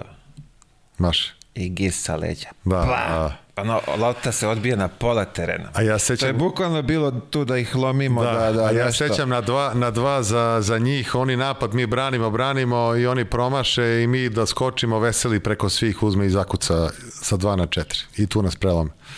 Mislim, te, teška je bila ovaj utakmica, ali smo mi igrali stvarno dobro. Onako, bila je dobra ekipa i mi smo kroz taj play-off e, na kraju uspeli da budemo u četiri. Bili smo ispred zvezde. I, ovaj, I onda je to leto, nakon toga smo mi obezbedili plasman u, u, u ABA ligu, a Zvezda nije, počela opet priča o toj nekoj E, tehničkoj saradnji, da li je to fuzija, tehnička radnja, saradnja ne znam ja, ali verujem mi, to je svake godine bila i, ovaj, ta priča. Da, ja, se to ja, od, kad sam, od kad sam došao u FMP, znam dve, već 2003. da je bila ta priča, ej, sećam se zove me naš drugar Đole Matić, kaže, si bio da biraš kancelariju, kažem, koju kancelariju? Pa na Kalemegdanu, kao dozi do spajanja. Kažem, Đole, bre, pusti me kakav Kalemegdan. Uglavnom, ovo se desilo na kraju te sezone, ja sam bio na moru i ovaj, sećam se da su me zvali i kažu došao je toga zvanično i da mi kažu da ću ja biti direktor Zvezde. I onako to je za mene bio jedan ozbiljan šok, je stvarno je onako neverovatna čast u tom trenutku. Sad ja imao sam ta 34, ja postajem direktor Zvezde. Kao ko će bude trener, vamo tamo, Svetislav Pešić. I sećam se, ja generalno nemam taj strah od, i od medija, od novinara, od televizija, intervjua, onako, dosta sam opušten. Sećam se te prve konferencije na Kalemegdanu, bio Nebojša Čović, e, Svetislav Pešić i ja. Isto je bilo novinara, pa ako nije bilo jedno deset kamera, novina. Da Stana. I bio je i oca Karanović PR i oca kao da, ta neki uvod. Ne znam da je Nebojša prvi rekao, ne znam kako je tačno išao red, ovaj, ko je šta pričao i kao ja da kažem. Bile, kad mi se zaglavila ovde, to je trajalo možda sekunde. Ja sam posle gledao taj snimak, nije to ništa videlo. Meni je trajalo kao 10 minuta. Znači ja ono, dok sam izgovorio, pa za malo nešto i rekao neke, neke gluposti, aj to je prošlo posle. Ali ovo... To je bilo, izvini, da, to je da. bilo, uh, meni se desilo pred utakmicu sa Bayernom u Interkontinentalu. Je tako? Jest, bila je nešto sazvana konferencija, mi došli tamo njih sto sto. Yes. I evo sad će Ilić da vam objasni ja... Uh, da. Uh, uh, I nešto, Šta ja da vam objasnim, ne? Nešto sam tu prozborio malo i kada da. ja ustanem. Da, da, da to je onako bio dobar početak, e, onako svi puni entuzijazma, međutim ekipa je bila u skladu sa mogućnostima. Mi stvarno nismo imali, to je bila manje više ekipa igrača iz FNP-a. Mi smo ušli u sezonu, doveli smo jednog stranca, to je bio Adam Morrison koji je bio ono, e, čovjek došao sa NBA karijerom, bio ja mislim drugi ili treći pik na draftu, i onako, vidio se taj kvalitet, sećam se taj neki prvi turnir u Bugarskoj smo igrali, Kari je voleo te turnire u Bugarskoj. Ovaj, Su blizu kući. ovaj, on stvarno pokazao kvalitet, međutim videlo se tu odmah da neće biti lako između njih dvojice i to je... Da, on je baš Posle jedno dva mjeseca, mislim, ne znam da li je toliko i trajalo, E, video se da to nije to i e, mi smo raskinuli ugovor sa Morrisonom i tražili smo najbolje moguće rešenje. I tad se desilo da mi dovedemo Omar Tomasa, koji je stvarno meni jedan od omiljenih e, stranaca ovaj, s kojim sam sarađivao u Crvenoj zvezdi, jer je to je tip koji je već bio potpisao tad za Montepaski. Međutim, bila neki problema sa papirima, neki lažni pasoš i ne znam šta je, uglavnom on ne dobije dozvolu federacije da igra i nije mogao da igra u Italiji. To je već bio recimo neki novembar, nešto i mi ga ulovimo bukvalno tad ovaj, da dođe do kraja sezona. I on je stvarno onako des. muški to odradio, onako došao je sa par kila više, onako undersize, ne znam da li imao i 2 metra, a igrao je kao 3 i 4. Kada okay, je došao, svećam se Kara i kaže, a u šta dovedo smo ovo, vidi, ovaj nema ni 2 metra, onako guzonja jedan. Međutim, karakterno je stvarno bio onako ne, momčina ne, ozbiljno, ozbiljno, i dobar ba, pa da. igrač i sve. Ovaj. On je recimo interesantnu priču, njemu su svi, ja mislim, u zatvoru bila.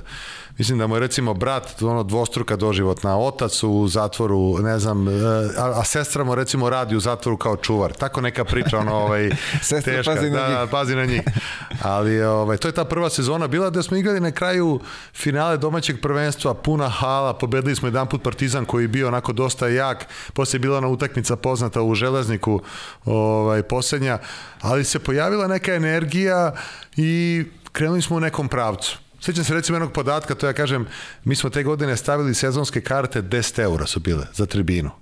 A Partizan je imao recimo 120 Uh, e, za tribinu zato što su oni igrali Euroligu. Znaš, mi smo imali jedan težak početak. Znaš, onda imao si ljude koji su bili u fazonu pa mi smo dolazi kad nikog nije bilo, mi, kao, mi, mi bi kao džabe.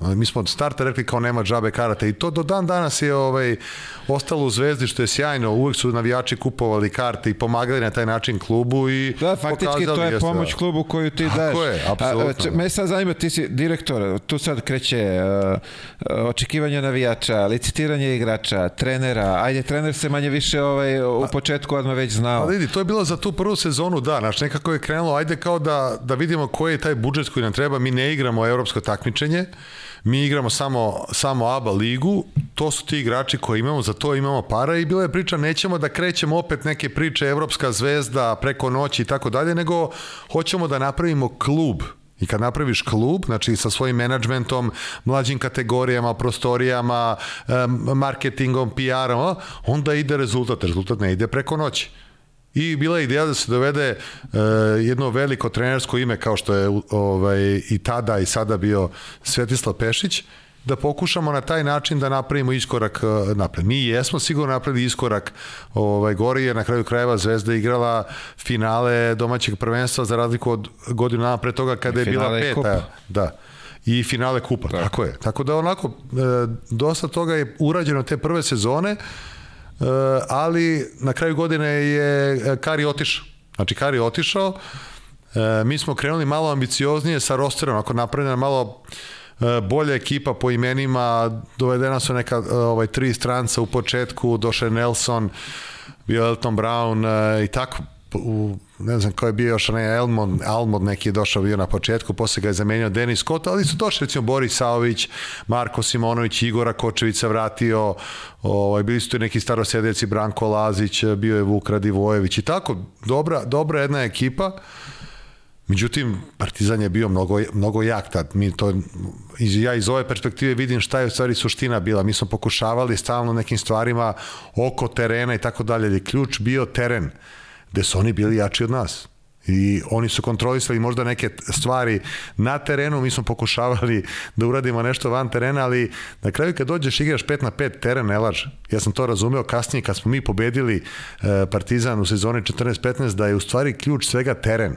Znači mi smo i te godine pokušavali, te godine se Zvezda vratila uh, ovaj, na evropsku scenu igrali smo Eurocup, puna hala, to je sezona 12-13, onako dosta uspešni te godine je bio nepoznati Final Four u Laktašima kada, kada je Zvezda uspela da se vrati u Euroligu i onda automatski to je bio još neki dodatni vetar u leđa da u narednu sezonu uđeš sa još većim entuzijazmom i još onako jačim sredstvima. Dejan Radonjić je došao pred taj e, Final Four u Laktašima za trenera i normalno to leto su svi bili onako kao to je to. Sezoni trinčene kao sad uzimamo, sad, sad moramo da, kao da, da skinemo partizan i tako dalje. Sezona krenula super, napravili smo jednu dobru ekipu, ne znam, došao Jaka Blažić, Blake Shield je došao, tad je došao Jenkins prvi put, ovaj, ne znam, ko je došao mlađi, od ovih, Ita Radenović je tad došao. Dakle, jedna dobra skupa onako eh, stranaca i domaćih igrača. Međutim, opet je došao do toga da, da smo mi igrali taj finalni turnir Raba Lige, da jednostavno mi kao klub možda još nismo bili dovoljno jaki. Znači, mi nismo znali da, da ovaj, iznesemo taj pritisak i tako dalje. Igrao se u, u areni, finalni turnir i mi smo tu utakmicu polufinala sa Cibonom izgubili. Ja mislim da smo šutirali trojke 31-3 tako nešto, ili čak 32-3, znaš kad ono ne ide, znači ti ne možeš ništa ne da ide, da ali ne. si uporan i nastavi. Tu si, tu si, da, i ne ide, ne ide, mi smo tu izgubili utakmicu, ja sećam igrao se dan za danom, sutra sutradan su igrali Partizan i Cedevita, Mile, ja sam seo posle utakmice ispred arene, seo na Ivičnjak i kažem to je to, gotovo. Znači ti ne, samo su finalisti igrali opet Euroligu, mi ne idemo u Euroligu, znači sve ovo što smo radili tri godine, Propane. sve pa, Ja sada ja ne mogu da ustanem. Ja kažem, sutra, ne, sutra neće da svane. To je moja poznata priča. Kad ja pričam nekom kad je teško, ja kažem, ja sam mislio sutra neće da svane. Međutim, sutra da dođe onaj Smith, ubaci, kako se zove, Smith, ja mislim, ne mogu setim. Ne sećam se, ali da, iz, CD, da. iz CDVite, ubaci čovjek trojku preko celog, Cibona odustane, mi se vratimo i mi, i mi Evroliga ovaj, naredne godine. Međutim, opet dođe i, i finale domaćeg prvenstva, Partizana se opet pobedi opet nas pobede u tim nekim pričama, mi opet nismo bili dovoljno jaki i tako dalje. I u stvari, tad je malo splasla ta neka tenzija oko košarkaškog kluba i u narednu sezonu kao da su ljudi ušli onako sa manje očekivanja. Mi smo napravili par nekih rokada. Da, evo već pet godina ništa nisu. Vidi, veruj mi, posle te, tog finalne, finalne utakmice domaće lige, Mi smo izgubili od, od, ovaj, od Partizana. Prvo smo dobili, ako sećaš, bilo je nešto ono 5 na 3 se igralo, ovaj, pa se dizala tenzija, pa ne znam, ko, e, ja neću da igram za reprezentaciju, ja ću da igram, pa mi, tu, mi tu nismo znali da plivamo. I uglavnom, mi izgubimo od Partizana, pa tenzija s našim navijačima na kraju. Onako, baš je bilo turbulentno. Ovaj, I ja sećam se, e, ovaj, Nebojša i ja sedimo u, u Basketlandu u pola dva ujutro, nas dvojica sami I kao šta da radim, on kaže svi živi traže ono da se skloni Deo, ja kažem šefe, sad ako ga sklonimo, dolazi novi trener koji će kaže nama treba opet dve godine treba mi novi stvar... stručni štab, ne, treba je... mi novi... A ja kažem, mi vremena više nemamo. A na kraju kraja već se videlo da Partizan onako polako pada, a mi smo već imali manje više skockanog, mi smo napravili možda neke tri rokade za narednu sezonu i to je bilo to. I ovaj, mi odlučimo da ga ostavimo. Baš je bilo onako napeto, svi su sa svih strana, mediji, navijači, da se sklanja, se sklanja Deo. Međutim, mi smo tada odlučili to veče da Dejan, da Dejan ostane. I naredne godine nekako sa manjem euforijom došao, u tom trenutku do, mi smo već imali Bobija Marjanović, pa recimo došao je Mike Cirbes, koji u tom trenutku totalno nepoznat. Došao je Markus Williams, koji je bio poznat u tom trenutku, ali nekako ljudi nisu ga, nisu ga kapirali da on može bude taj koji će da, da vodi ekipu potpisali smo Kalinića i Dangubića, recimo, sećam se da je to bilo kao šta dovodimo da ova dva kamenca, ono kao prilike šta će oni da radimo. Došao Stefan Jović, kao mi se pojačavamo, kao mi napadamo Euroligu, a doveli smo dva igrača iz Kragovica, a oni su tad ispali iz ABA lige. Znaš, to je, to je ta bila neka ono, neko, neko zvezdaško razmišljanje. Međutim, ta sezona je stvarno bila ono, to je ta bila sezona. Mi smo svi mislili će biti sezona pre, a mi smo u toj sezoni u stvari napravili ono što je trebalo. Osvojili smo i kup, osvojili smo ABA ligu, osvojili smo ovaj domaće prvenstvo i to smo ABA ligu, to je ono, kada, kada razmišljam, to su mi u stvari najdraže utakmice moje, jer to je bila tolika jedna tenzija i toliko jedno, jedan naboj u, u tih dana tad je bilo ono poznato sačekivanje navijača ispred pionira da nam daju podršku kada smo ovaj, nakon 1-0 i prednosti domaćeg trenera izgubili drugu utakmicu i bilo je 1-1 i mi smo išli e, Partizana na mnogo, tad igrao na tri dobijene u polufinalu i bilo je ako oni pobede dve, oni idu u finale, automatski oni idu u Euroligu, mi ne idu. I sećam se, tad je bio razgovor, ovaj, došle e, posle tog drugog poraza, sastanak, sećam se Nebojša i Dejan, i ja sam bio tu i Nebojša meni kaže, izađi, hoću ja s Dejanom sam da pričam. I ja, to je onako redko bilo, uvek smo bili tu zajedno. Kratko je trajao sastanak, Dejan je izašao i otišao. I ja uđem kod Nebojše, ja kažem, šta kaže Dejan? Kaže, ja nemam pojma. On mi je rekao, e, ništa vi ne brinite, samo sedite, prolazimo, pobeđujemo, idemo u finale, osvajamo finale.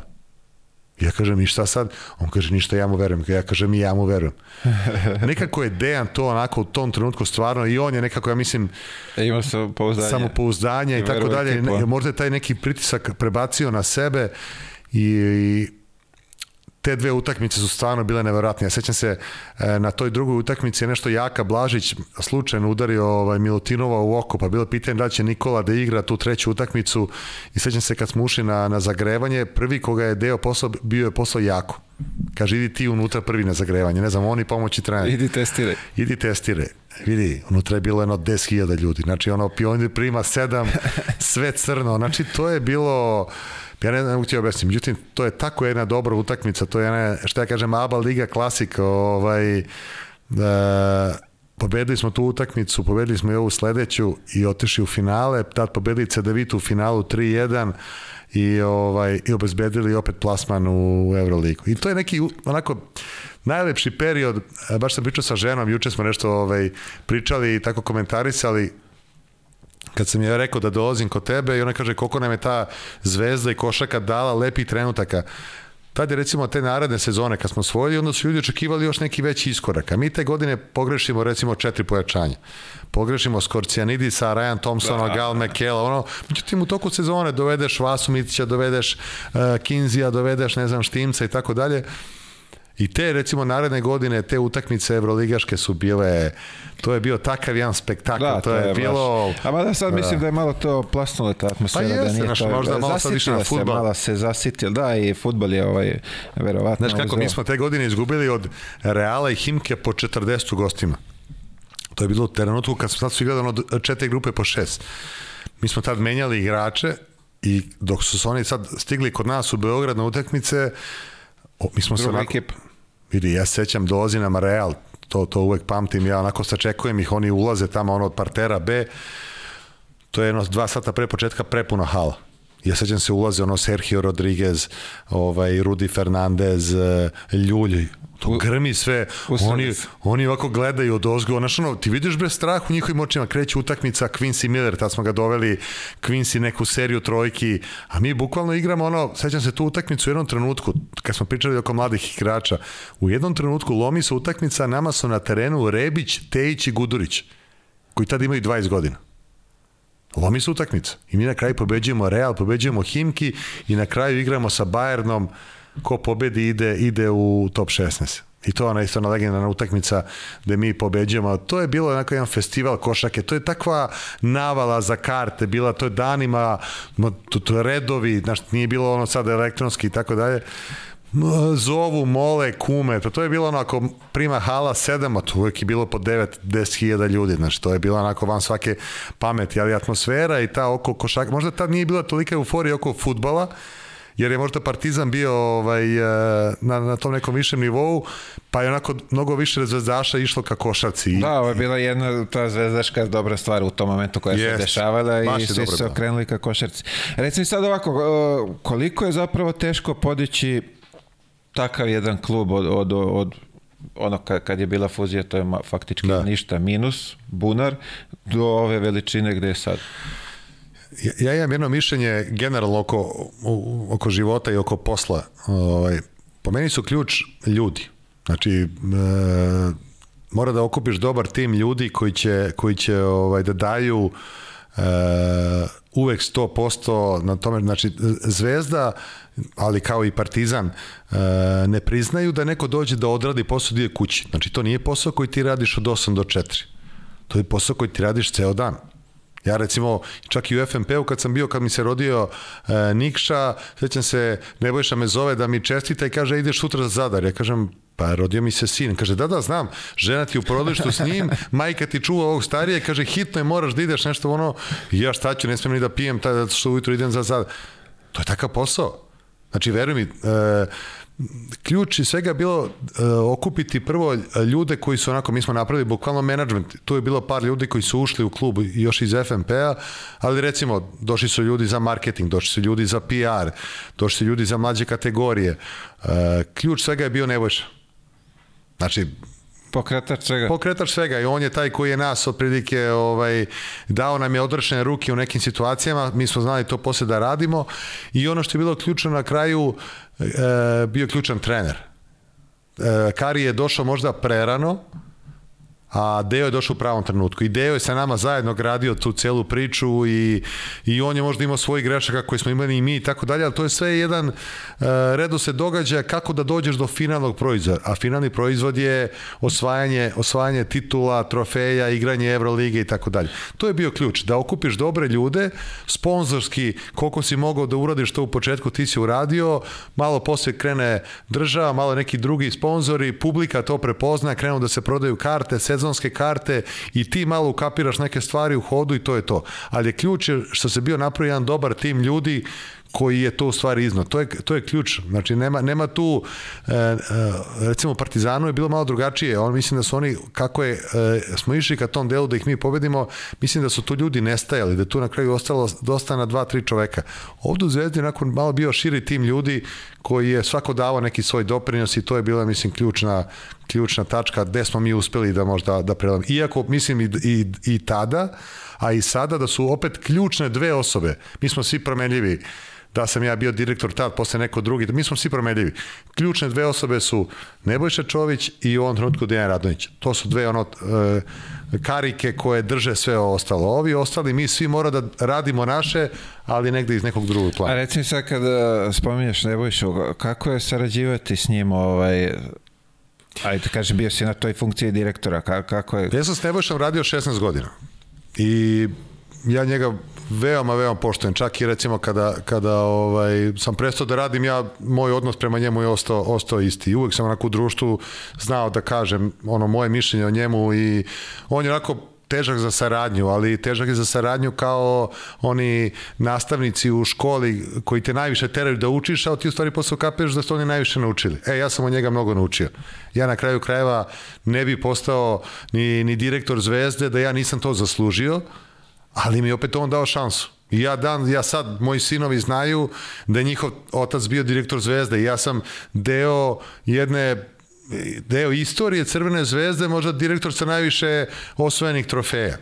Eto, to mi on omogućio. Znači, moj prvi susret sa njim je bio takav da što je on tad bio mnogo više angažovan oko Kosova, oko politike i tako dalje. Nisam ja sam ga vidio te prvi put tek posle nekoliko meseci, ali nekako sam ono usput put ovaj, znao sam uvek gde je moje mesto. E, nikad nisam se ja gurao nešto previše ni blizu ni daleko, ovaj znao sam gde mi je mesto. Imali smo mi naših e, različitih mišljenja u toku u toku našeg ovaj posla. Ja sam znao njemu da kažem kad mi on kaže pa ti uvek nešto drugačije, gde mi kažem, ti kažeš uvek ono kao ulaziš u neku svađu sa mnom, ja kažem, ne, ja vam samo kažem moje mišljenje, ja neću da klimam glavom da vam kažem da je to tako kako vi kažete. I on je volao to, on je volao razmenu mišljenja ovaj, u, u mnogim stvarima, e, tako i danas, mi i danas znamo da se posvađamo, znamo da budemo korektni, on radi svoj posao, ja radim svoj posao i kažem ti kao što recimo e, poštujem i dan danas e, Mišu Lakića kao neko ko mi je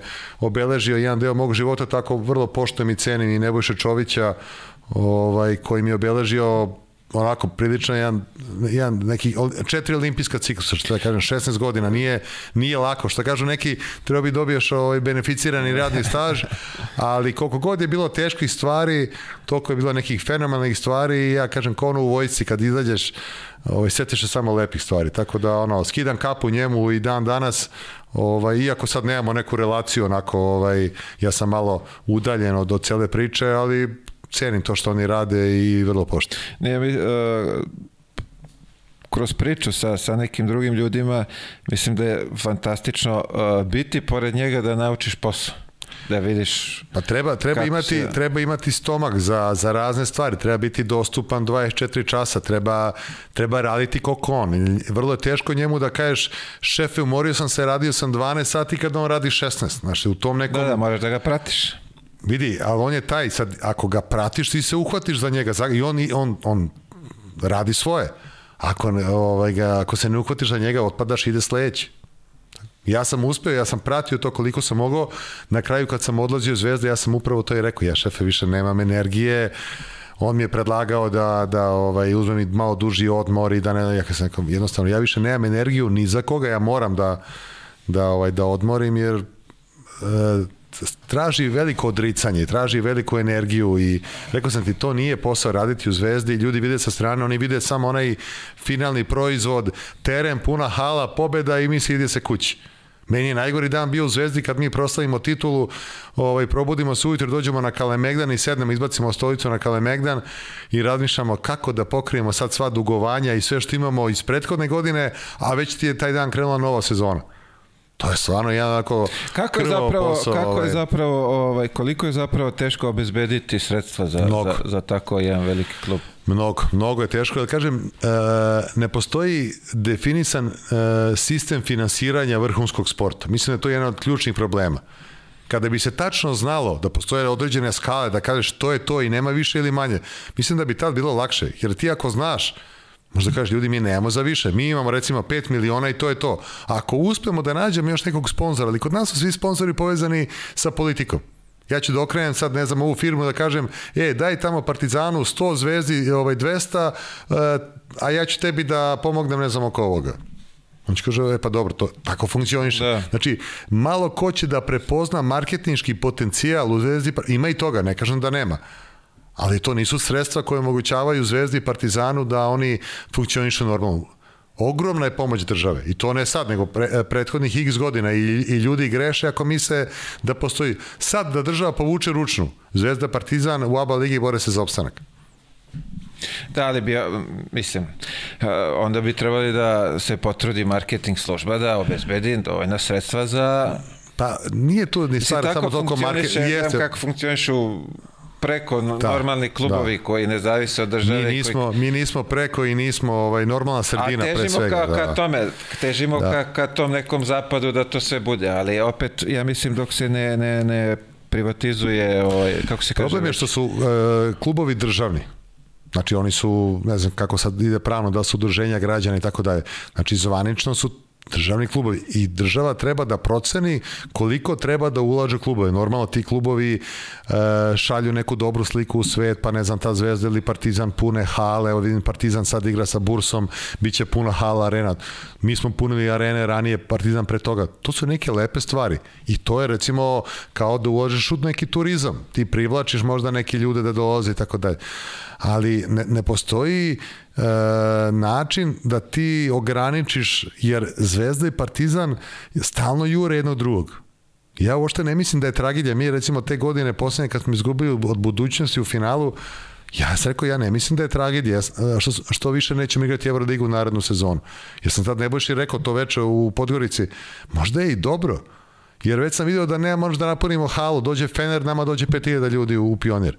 Znači, možda su se ljudi malo i zasitili, možda mi malo trebamo da se, da se regenerišemo, osvežimo, jer ja mislim da ćemo onda naredne sezone možda biti spremniji, možda će ljudima opet onako vrati se ta neki ovaj, želja za utakmicama E, to je ono što nama, mi, mi sve shvatamo kao tragediju, uopšte nije tragedija. Kažem, i sad ako Partizan ne uspe da uđe u Euroligu, pa doće sledeće. Ako ne uđe sledeće, pa uđe one tamo. Jednostavno, desit će se taj trenutak, ne treba biti nestrpljiv. Ja to sad i kad pričam sa igračima, oni kao, moram ovu godinu. Pa kažem, ne moraš ništa. Znači ne moraš ništa, to samo da, može to bude je jedan... Samo opterećivanje. Samo opterećuješ sebe. E ovde u, u, u svemu tome dolazi do opterećenja, sad stvara se ta neka tenzija, atmosfera između Zvezde i Partizana, kao ko će da pobedi, kao, znaš ono, to je rat svetova. Ma nije ljudi, to je sport to je sport, ok, treba na kraju krajeva, uvek su oni, e, makar u poslednjih tih e, par godina, oni koji su bili na terenu, oni su bili najnormalniji, najmirniji mnogo više se pravila tenzija da, oko, pa onda sa... Da. malo i mediji naprave naš, njima zbog tiraža i tako dalje, pa možda ljudi koji su u klubu, mislim i ja sam bio deo toga, ja sam učestvovao u tome, povučete, povučete jednostavno to. Ja sam recimo nakon utakmice e, Budućnost zvezda kada smo izgubili, stvarno je bilo svega i svačega dole, ovaj, vrati su u Beograd i ja poslao čestitku u budućnosti čestitamo na osvajanju ABA lige i ovaj plasmanu u Euroligu i kao sjajan uspeh. Sećam se, Nebojša me zove, ono, grmi, kao, pa što smo im slali ovo, ono, kažem, pa šefe, zato što smo mi veliki klub. I mi kao veliki klub treba da im pošaljemo, pa kao mi priznajemo da su oni, pa kažem, priznajemo Mi oni su osvojili, a mi ćemo na taj način njima da pokažemo koliko smo mi veliki. I on kao, jeste, u pravu si vamo tamo, naredne godine Zvezda pobedi budućnost, budućnost ne, ne pošalje čestitku. I onda krene zezanje po Twitteru, ovi šalju tamo o budućnosti, e, kad šaljete čestitku i tako dalje. Ma to prođe za godinu dana, znaš, prođe za čas godinu, godinu dana i ti opet uziš u priliku da se boriš. I koliko Partizan godina nije, nije osvojio ABA ligu? Od 2014. I, pa ništa, evo, bore se i dan danas. Da će osvojiti ove godine? Možda hoće, možda neće. Ako ne osvoje, pa osvojit Doći da. i to, znači nema tu tenzije, ima to je treba bude. Ima Tako sledeće. A reci mi sad o, se iz Zvezde, a, kako si ti odlučio za, ajde da kažemo, agenturu, da se baviš tim poslom? Da, e, ja sam u martu odlučio da, da, ovaj, da dam otkaz u Zvezdi. Bili smo neku utakmicu u Barceloni, enako prilično smo ružno izgledali na terenu, i neko, neka tenzija je bila i jednostavno kad je meni kliknulo da ja više ne mogu. Ja sećam se uh, da sam otišao pravo ovaj, od tog mesta gde sam sedeo napolje da javim ženi, da ću dam otkaz, ona već zaspala, nije znala ni gde Nebojša me zvao kao, pa je, vidi, nije bilo dobro, loše smo izgledali, ovo ona kažem, ja da vam kažem sad, ja više ne radim u zvezdi. Mm Onda on kao, pa dobro, sačekaj, nije trenutak, kažem, ne, ja vam kažem sad, pričat ćemo mi kad se radi, ja sam sad odlučio. I to je bio prvi i poslednji trenutak da sam ja nekad ušao u slačionicu, ja nikad to nisam radio, da ja uđem u slačionicu, niti je ovaj, Nebojša ulazio, i tad je bio trener Dula Olimpijević, ja sam mu, pitao sam ga da mogu ovaj, da, da se obratim ovaj, igračima, on kaže svakako i tako dalje. Ja sam dosta onako nekih stvari emotivnih rekao, baš onako bili loši na terenu, onako nisu ošte cenili to gde su ni šta su i ja sam bio onako prilično emotivan i, i ja sam tada rešio da više neću da radim. I to je tako prolazilo, to je bilo, mi smo tada recimo čak i bili prvi u ABA ligi, još nije počeo ni play-off, znači ja nisam otišao iz Zvezde zato što mi nismo uspeli da obezbedimo Euroligu, ja sam to samo rešio još ranije. I kako je završila sezona, ja sam imao nekoliko razgovora s Nebojšom, nisam želeo stvarno da, da ostajem. I jednostavno rekao sam ovaj, porodici moji da hoću sledeći godinu dana da ne radim ništa. Imao sam taj svoj klub gde sam onako pomagao sve vreme i tako dalje, ali teo sam da budem malo sa porodicom i ja da odmorim. Eto, I to mi je bilo onako, ja nikakvu ideju o agenturi ili o bilo čemu drugu nisam imao. I rekao sam da neću da razmišljam do nove godine i bila mi je želja da tek narednog septembra krenem da radim nešto. I tako je i bilo. Međutim, poči se javljaju već od septembra, neki klubovi su me zvali da bi želeo da dođem da radim, pa sam imao razgovore sa nekim drugim agencijama isto ovaj, onako i, i, i neke ovaj, konkretne razgovore i tako dalje. Međutim, e, tamo negde u oktobru sam bio da gledam, pošto ja stvarno ono, obožavam košarku i ja sad kako dođe ABA liga, recimo od, ono, od petka do ponekaj pogledam sve utakmice, KLS volim da gledam, sve gledam utakmice. Ja sam otišao tad na, na onaj e, super kup ABA lige i sa mnom je bio u društvu Marko Jelić, koji je moj kolega i moj prijatelj, koji u tom trenutku prešao iz njegove stare agencije Enter, Enter Sport, prešao je u Octagon i postao je jedan od šestorice uh, ovaj, e, direktora Oktagona za Evropu i on mi je rekao, objasnio mi šta, šta radi i koja mu ideja, tako smo šetali po Banja Luci uveče i on mi kaže, hoću da napravim jaku kancelariju ovde, mi se širimo, mi smo mlada agencija i tako, objasnio mi sve i kao, kakav profil čoveka i e, traži i on to meni objašnjava koji ideje i kaže, pa treba mi neko kao ti. Ja kažem, pa ti mi daj neku ponudu. I on onako stane, sećam se, to neka noć bila, on kaže, za tebe ono, otvaram ti vrata šta god budeš teo. Ja kažem, vidi, prva stvar mi je da ja, sad je oktobar, ja ne želim da radim ništa do septembra. On kaže, ja ću te čekam do septembra. Znaš, i odmah mi je onako dao onako na važnosti i ono što mi je stvari bilo ključno u cijeloj stvari, uh, ja mislim, prvo što se mi poznajemo i privatno i znamo onako i porodično, on mi je rekao dođi da radiš sa mnom. Znači, nije mi je rekao dođi da radiš za, za mene, mene, nego, da, da. nego da radiš sam, da zajedno kreiramo i ovu neku priču i ja imam neku ideju i tako dalje i to me nekako kupilo. Da kažem ti, imao sam još nekih razgovora i tako dalje, međutim odlučio sam bio za ovo i od septembra sam to krenuo Ovaj, da radim Kako izgleda sad, ti si, vamo si, što bi se reklo, kroz Jest. klub prošao sve ovaj, pozicije, imao si, bio si da. u mogućnosti da pregovaraš s tim istim agentima, tvojim sadašnjim kolegama, Pa verovatno tu neka nije bilo do, dogovora, da. pa je bilo i nekih ovaj, Jest. nezgoda ovaj, i sad ti prelaziš na drugu stranu, kak, taj momenat da, me zanima. vidi, e, baš sam pričao i puno, puno o tome. E, ja sam u stvari ostao za istim stolom, samo sam promenio mesto. Znači ja sam sedao ranije tu, a sad sedim ovde, ali ja opet znam o čemu se priča za stolom. Znači, meni je tematika, tematika poznata. I baš zbog toga što mi je tematika poznata, ja sam se odlučio za, za oktagon to mi je bila želja. Ja recimo imam poštovanje stvarno prema tim uh, kolegama koji rade i neko radi to uspešnije, neko manje uspešno, ali način na koji ova agencija radi je ono što mene u stvari i privuklo, način i, i posvećenost klijentima i tako dalje. Ali E, morao sam neke stvari u hodu da, da radim, normalno bez ikakvog pritiska ušao sam u celu priču kao, kao neko ko je nov, uh, ali sam donosio neke druge stvari. Donosio sam kontakte, donosio sam relacije sa klubovima, sa ljudima koji rade u klubovima, sa igračima nekim i tako. E, to je nešto što sam ja donao. Međutim, neke stvari sam uspeo u hodu da, da, ovaj, da ulovim. I evo, već mi je ovo treća godina i onako mogu da kažem da baš volim ovaj moj posao. Znači, to je neverovatno. Ja sad nekako, e, ja gledam sad recimo i utakmice i odem i Zvezdu i Partizan i tako da, i to mi se super. Ali ne vidim sebe da bih mogu da se vratim u neki klub, ovaj, e, jer sam se skroz pronašao u ovom poslu. Znači, baš mislim da je to nešto što je za mene. Da, leglo ti je.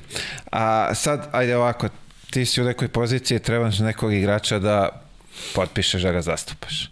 Jel ide ona klasika ulepšavanja priča, upakovano da to bude ili mu kažeš u lice Kako stvari stoje? O, o tome se radi. Ovaj, e, zašto sam ja izabrao Oktagon? Ja stvarno verujem u ono što pričam. Ja stvarno stojim iza toga. Znači ja, ja ne pričam njima e, nešto što se neće desiti. Jer ja, moj način komunikacije nije taj, ja potpišem igrača i vidimo sledeće leto. Ja se bavim njime, da li je to utakmica bila, pa da li on igra KLS, ja dođem, pogledam, ja sam pre dve godine išao u Pančevo da gledam Tamiš 12 puta. Jer sam tamo imao neka dva klinca, od njih dvojice, obojice su sad ovaj, u FNP-u, jedan je Pavićević, drugi je Manojlović. I pitanje je da će završiti. Znači, ja generalno od njih nemam nikakav benefit, ali ja idem i stvarno ih pratim ej, bilo je dobro, je nije bilo dobro. Znači, ono što ja njima kažem kad predstavljam sebe agenciju, ja apsolutno stojim iza toga. I ja ne ulepšavam da kažem, vidi majstor, ćeš NBA. Ja to ne mogu da mu kažem. Ja mogu da mu kažem, ako je stvarno talentovan i izgledao, da mi imamo uh, predispozicije za NBA, a da je put neviđeno, neviđeno dugačak i dalek. Ali ono što ja pričam, ja u to verujem i meni to olakšava priču, ja, ja toliko sam emotivan u tom nekom delu i toliko uživam u stvarima da kad recimo spomenuo sam ti baš Amara Gegića ili recimo ovog momka Nejada Neranđića. Znači to su momci koji su bukvalno ono iz kls sa nekim našim dobrim idejama, dogovorima došli toga da da sad recimo igraju ABA ligu na nekom onako solidnom nivou. A bili su pre toga, ne znam, u KLS-u igrali za 500 evra. To je po meni super, jer ja mogu da pomognem nekome da koji je ono bio na nekom nižem nivou, mogu da mu pomognem da dođe mnogo viši nivo. I normalno, e, počeli su igrači da prepoznaju, jer ne mogu moje kolege koji normalno su možda i na nekom višem nivou, imaju staž i tako dalje, da daju e, istu energiju koju su davali pre 20 godina i oni možda imaju neke svoje prioritete. Što je normalno i prirodno. I normalno, a svaki igrač, i onaj koji ima, koji igra za hiljadu i ne znam Nikola Milutinov koji igra za mnogo, mnogo veće pare, pa si oni zaslužuju ovaj podjenak tretman. ja, ja veru, verujem i uh, viđam se s igračima s kojima ono, možda bude nešto za pet godina, možda bude za tri, ali to je moj posao i ja ga tako shvatam. I nije mi ono kao ja, ko će se vidjeti s njim? Ne, apsolutno ne. I sa roditeljima kad razgovaram i tako dalje, jer imam iskustvo, imam znanje, imam mogućnost i ono što je najvažnije, imam energiju i onda mi to olakšava da ja guram celu priču onako kako ja želim.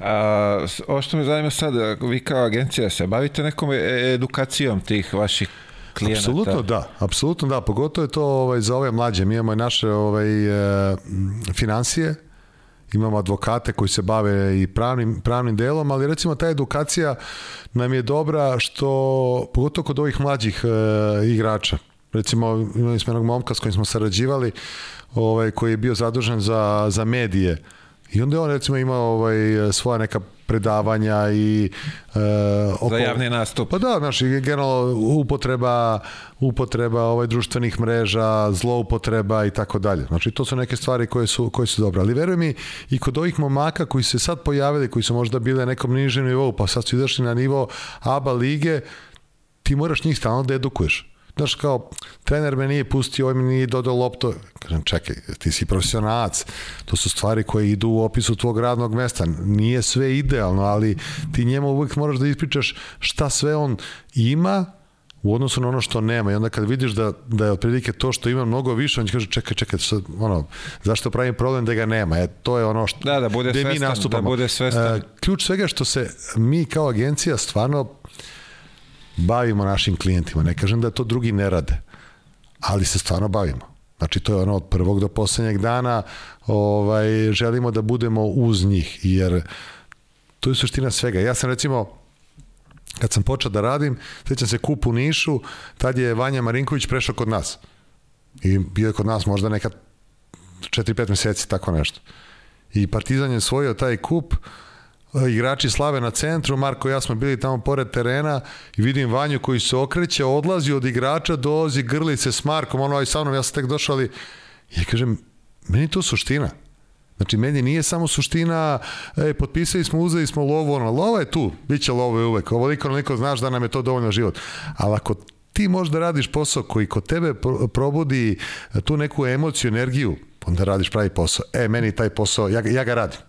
E to je ono zašto, zašto ja ovaj zašto mi se sviđa, zašto verujem i onda mi apsolutno nije teško da pričam s nekim klincem koji možda neće ni biti, ali ja hoću da mu pomognem pomoći njegovim roditeljima, pa usmerit ću ih na kraju krajeva reći Jasno, da. E, šta znači, je možda dobro. Smernice. Pa vidi, na kraju krajeva reći im kako stvari jesu.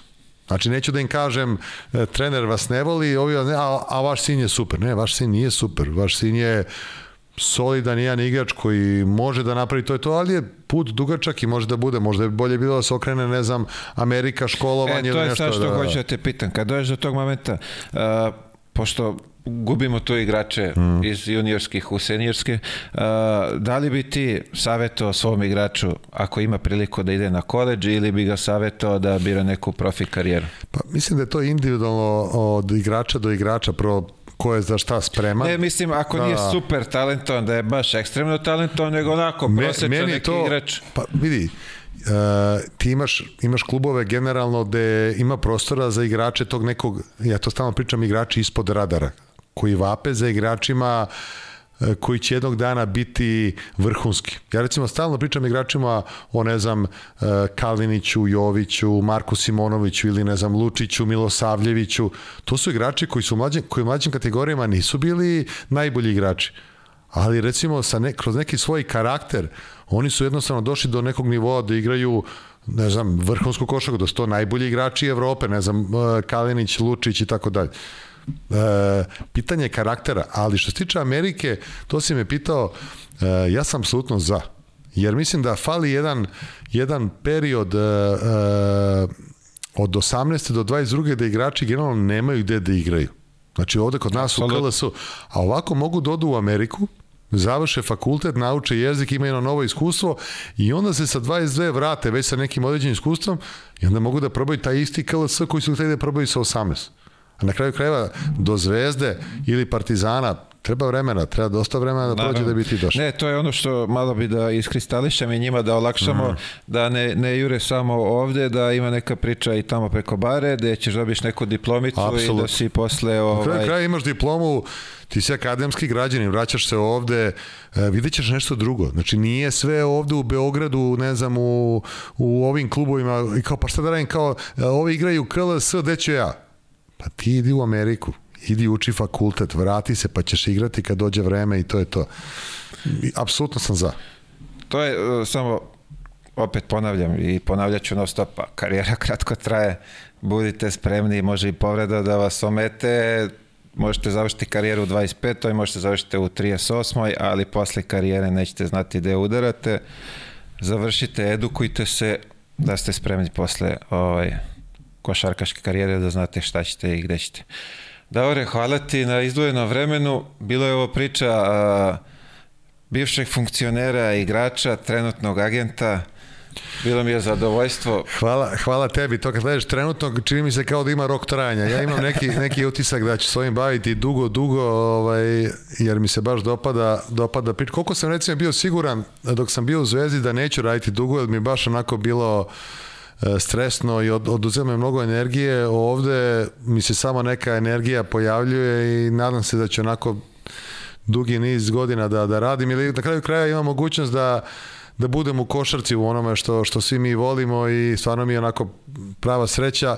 Na kraju krajeva omogućilo mi je, na primjer, da odem pre dve godine na All Star, da se upoznam sa Adeto Kumpom, sa Stefom Karijem, koji su ovaj, u našoj agenciji ili ne znam ovde, da, da budem sa, ne znam, Milutinovim ili Rudi Fernandezom, Printezisom. To su neke stvari koje su onako prilično jedno, jedno bogatstvo. A ja imam mogućnost da budem deo, deo te priče. Tako da ovaj, nemoj trenutno... Ovaj... Vidi, evo onda ja želim da ti to dugo potraje. Tako je, hvala. Ovaj, da bude uspešno, da vodite brigu o tim mladim igračima, da ih savjetujete, usmeravate, da pošto iz mog iskustva znam da neki gledaju samo ovaj novac da. i procenat, ja malo želim da to da očistimo taj neki deo, ovaj, da to bude zdrava jedna priča i, i da tim momcima omogućimo da, da se razvijaju. To nam, je, to nam je mila ideja i, i zato i pravimo neku razliku možda u odnosu na, na ostale.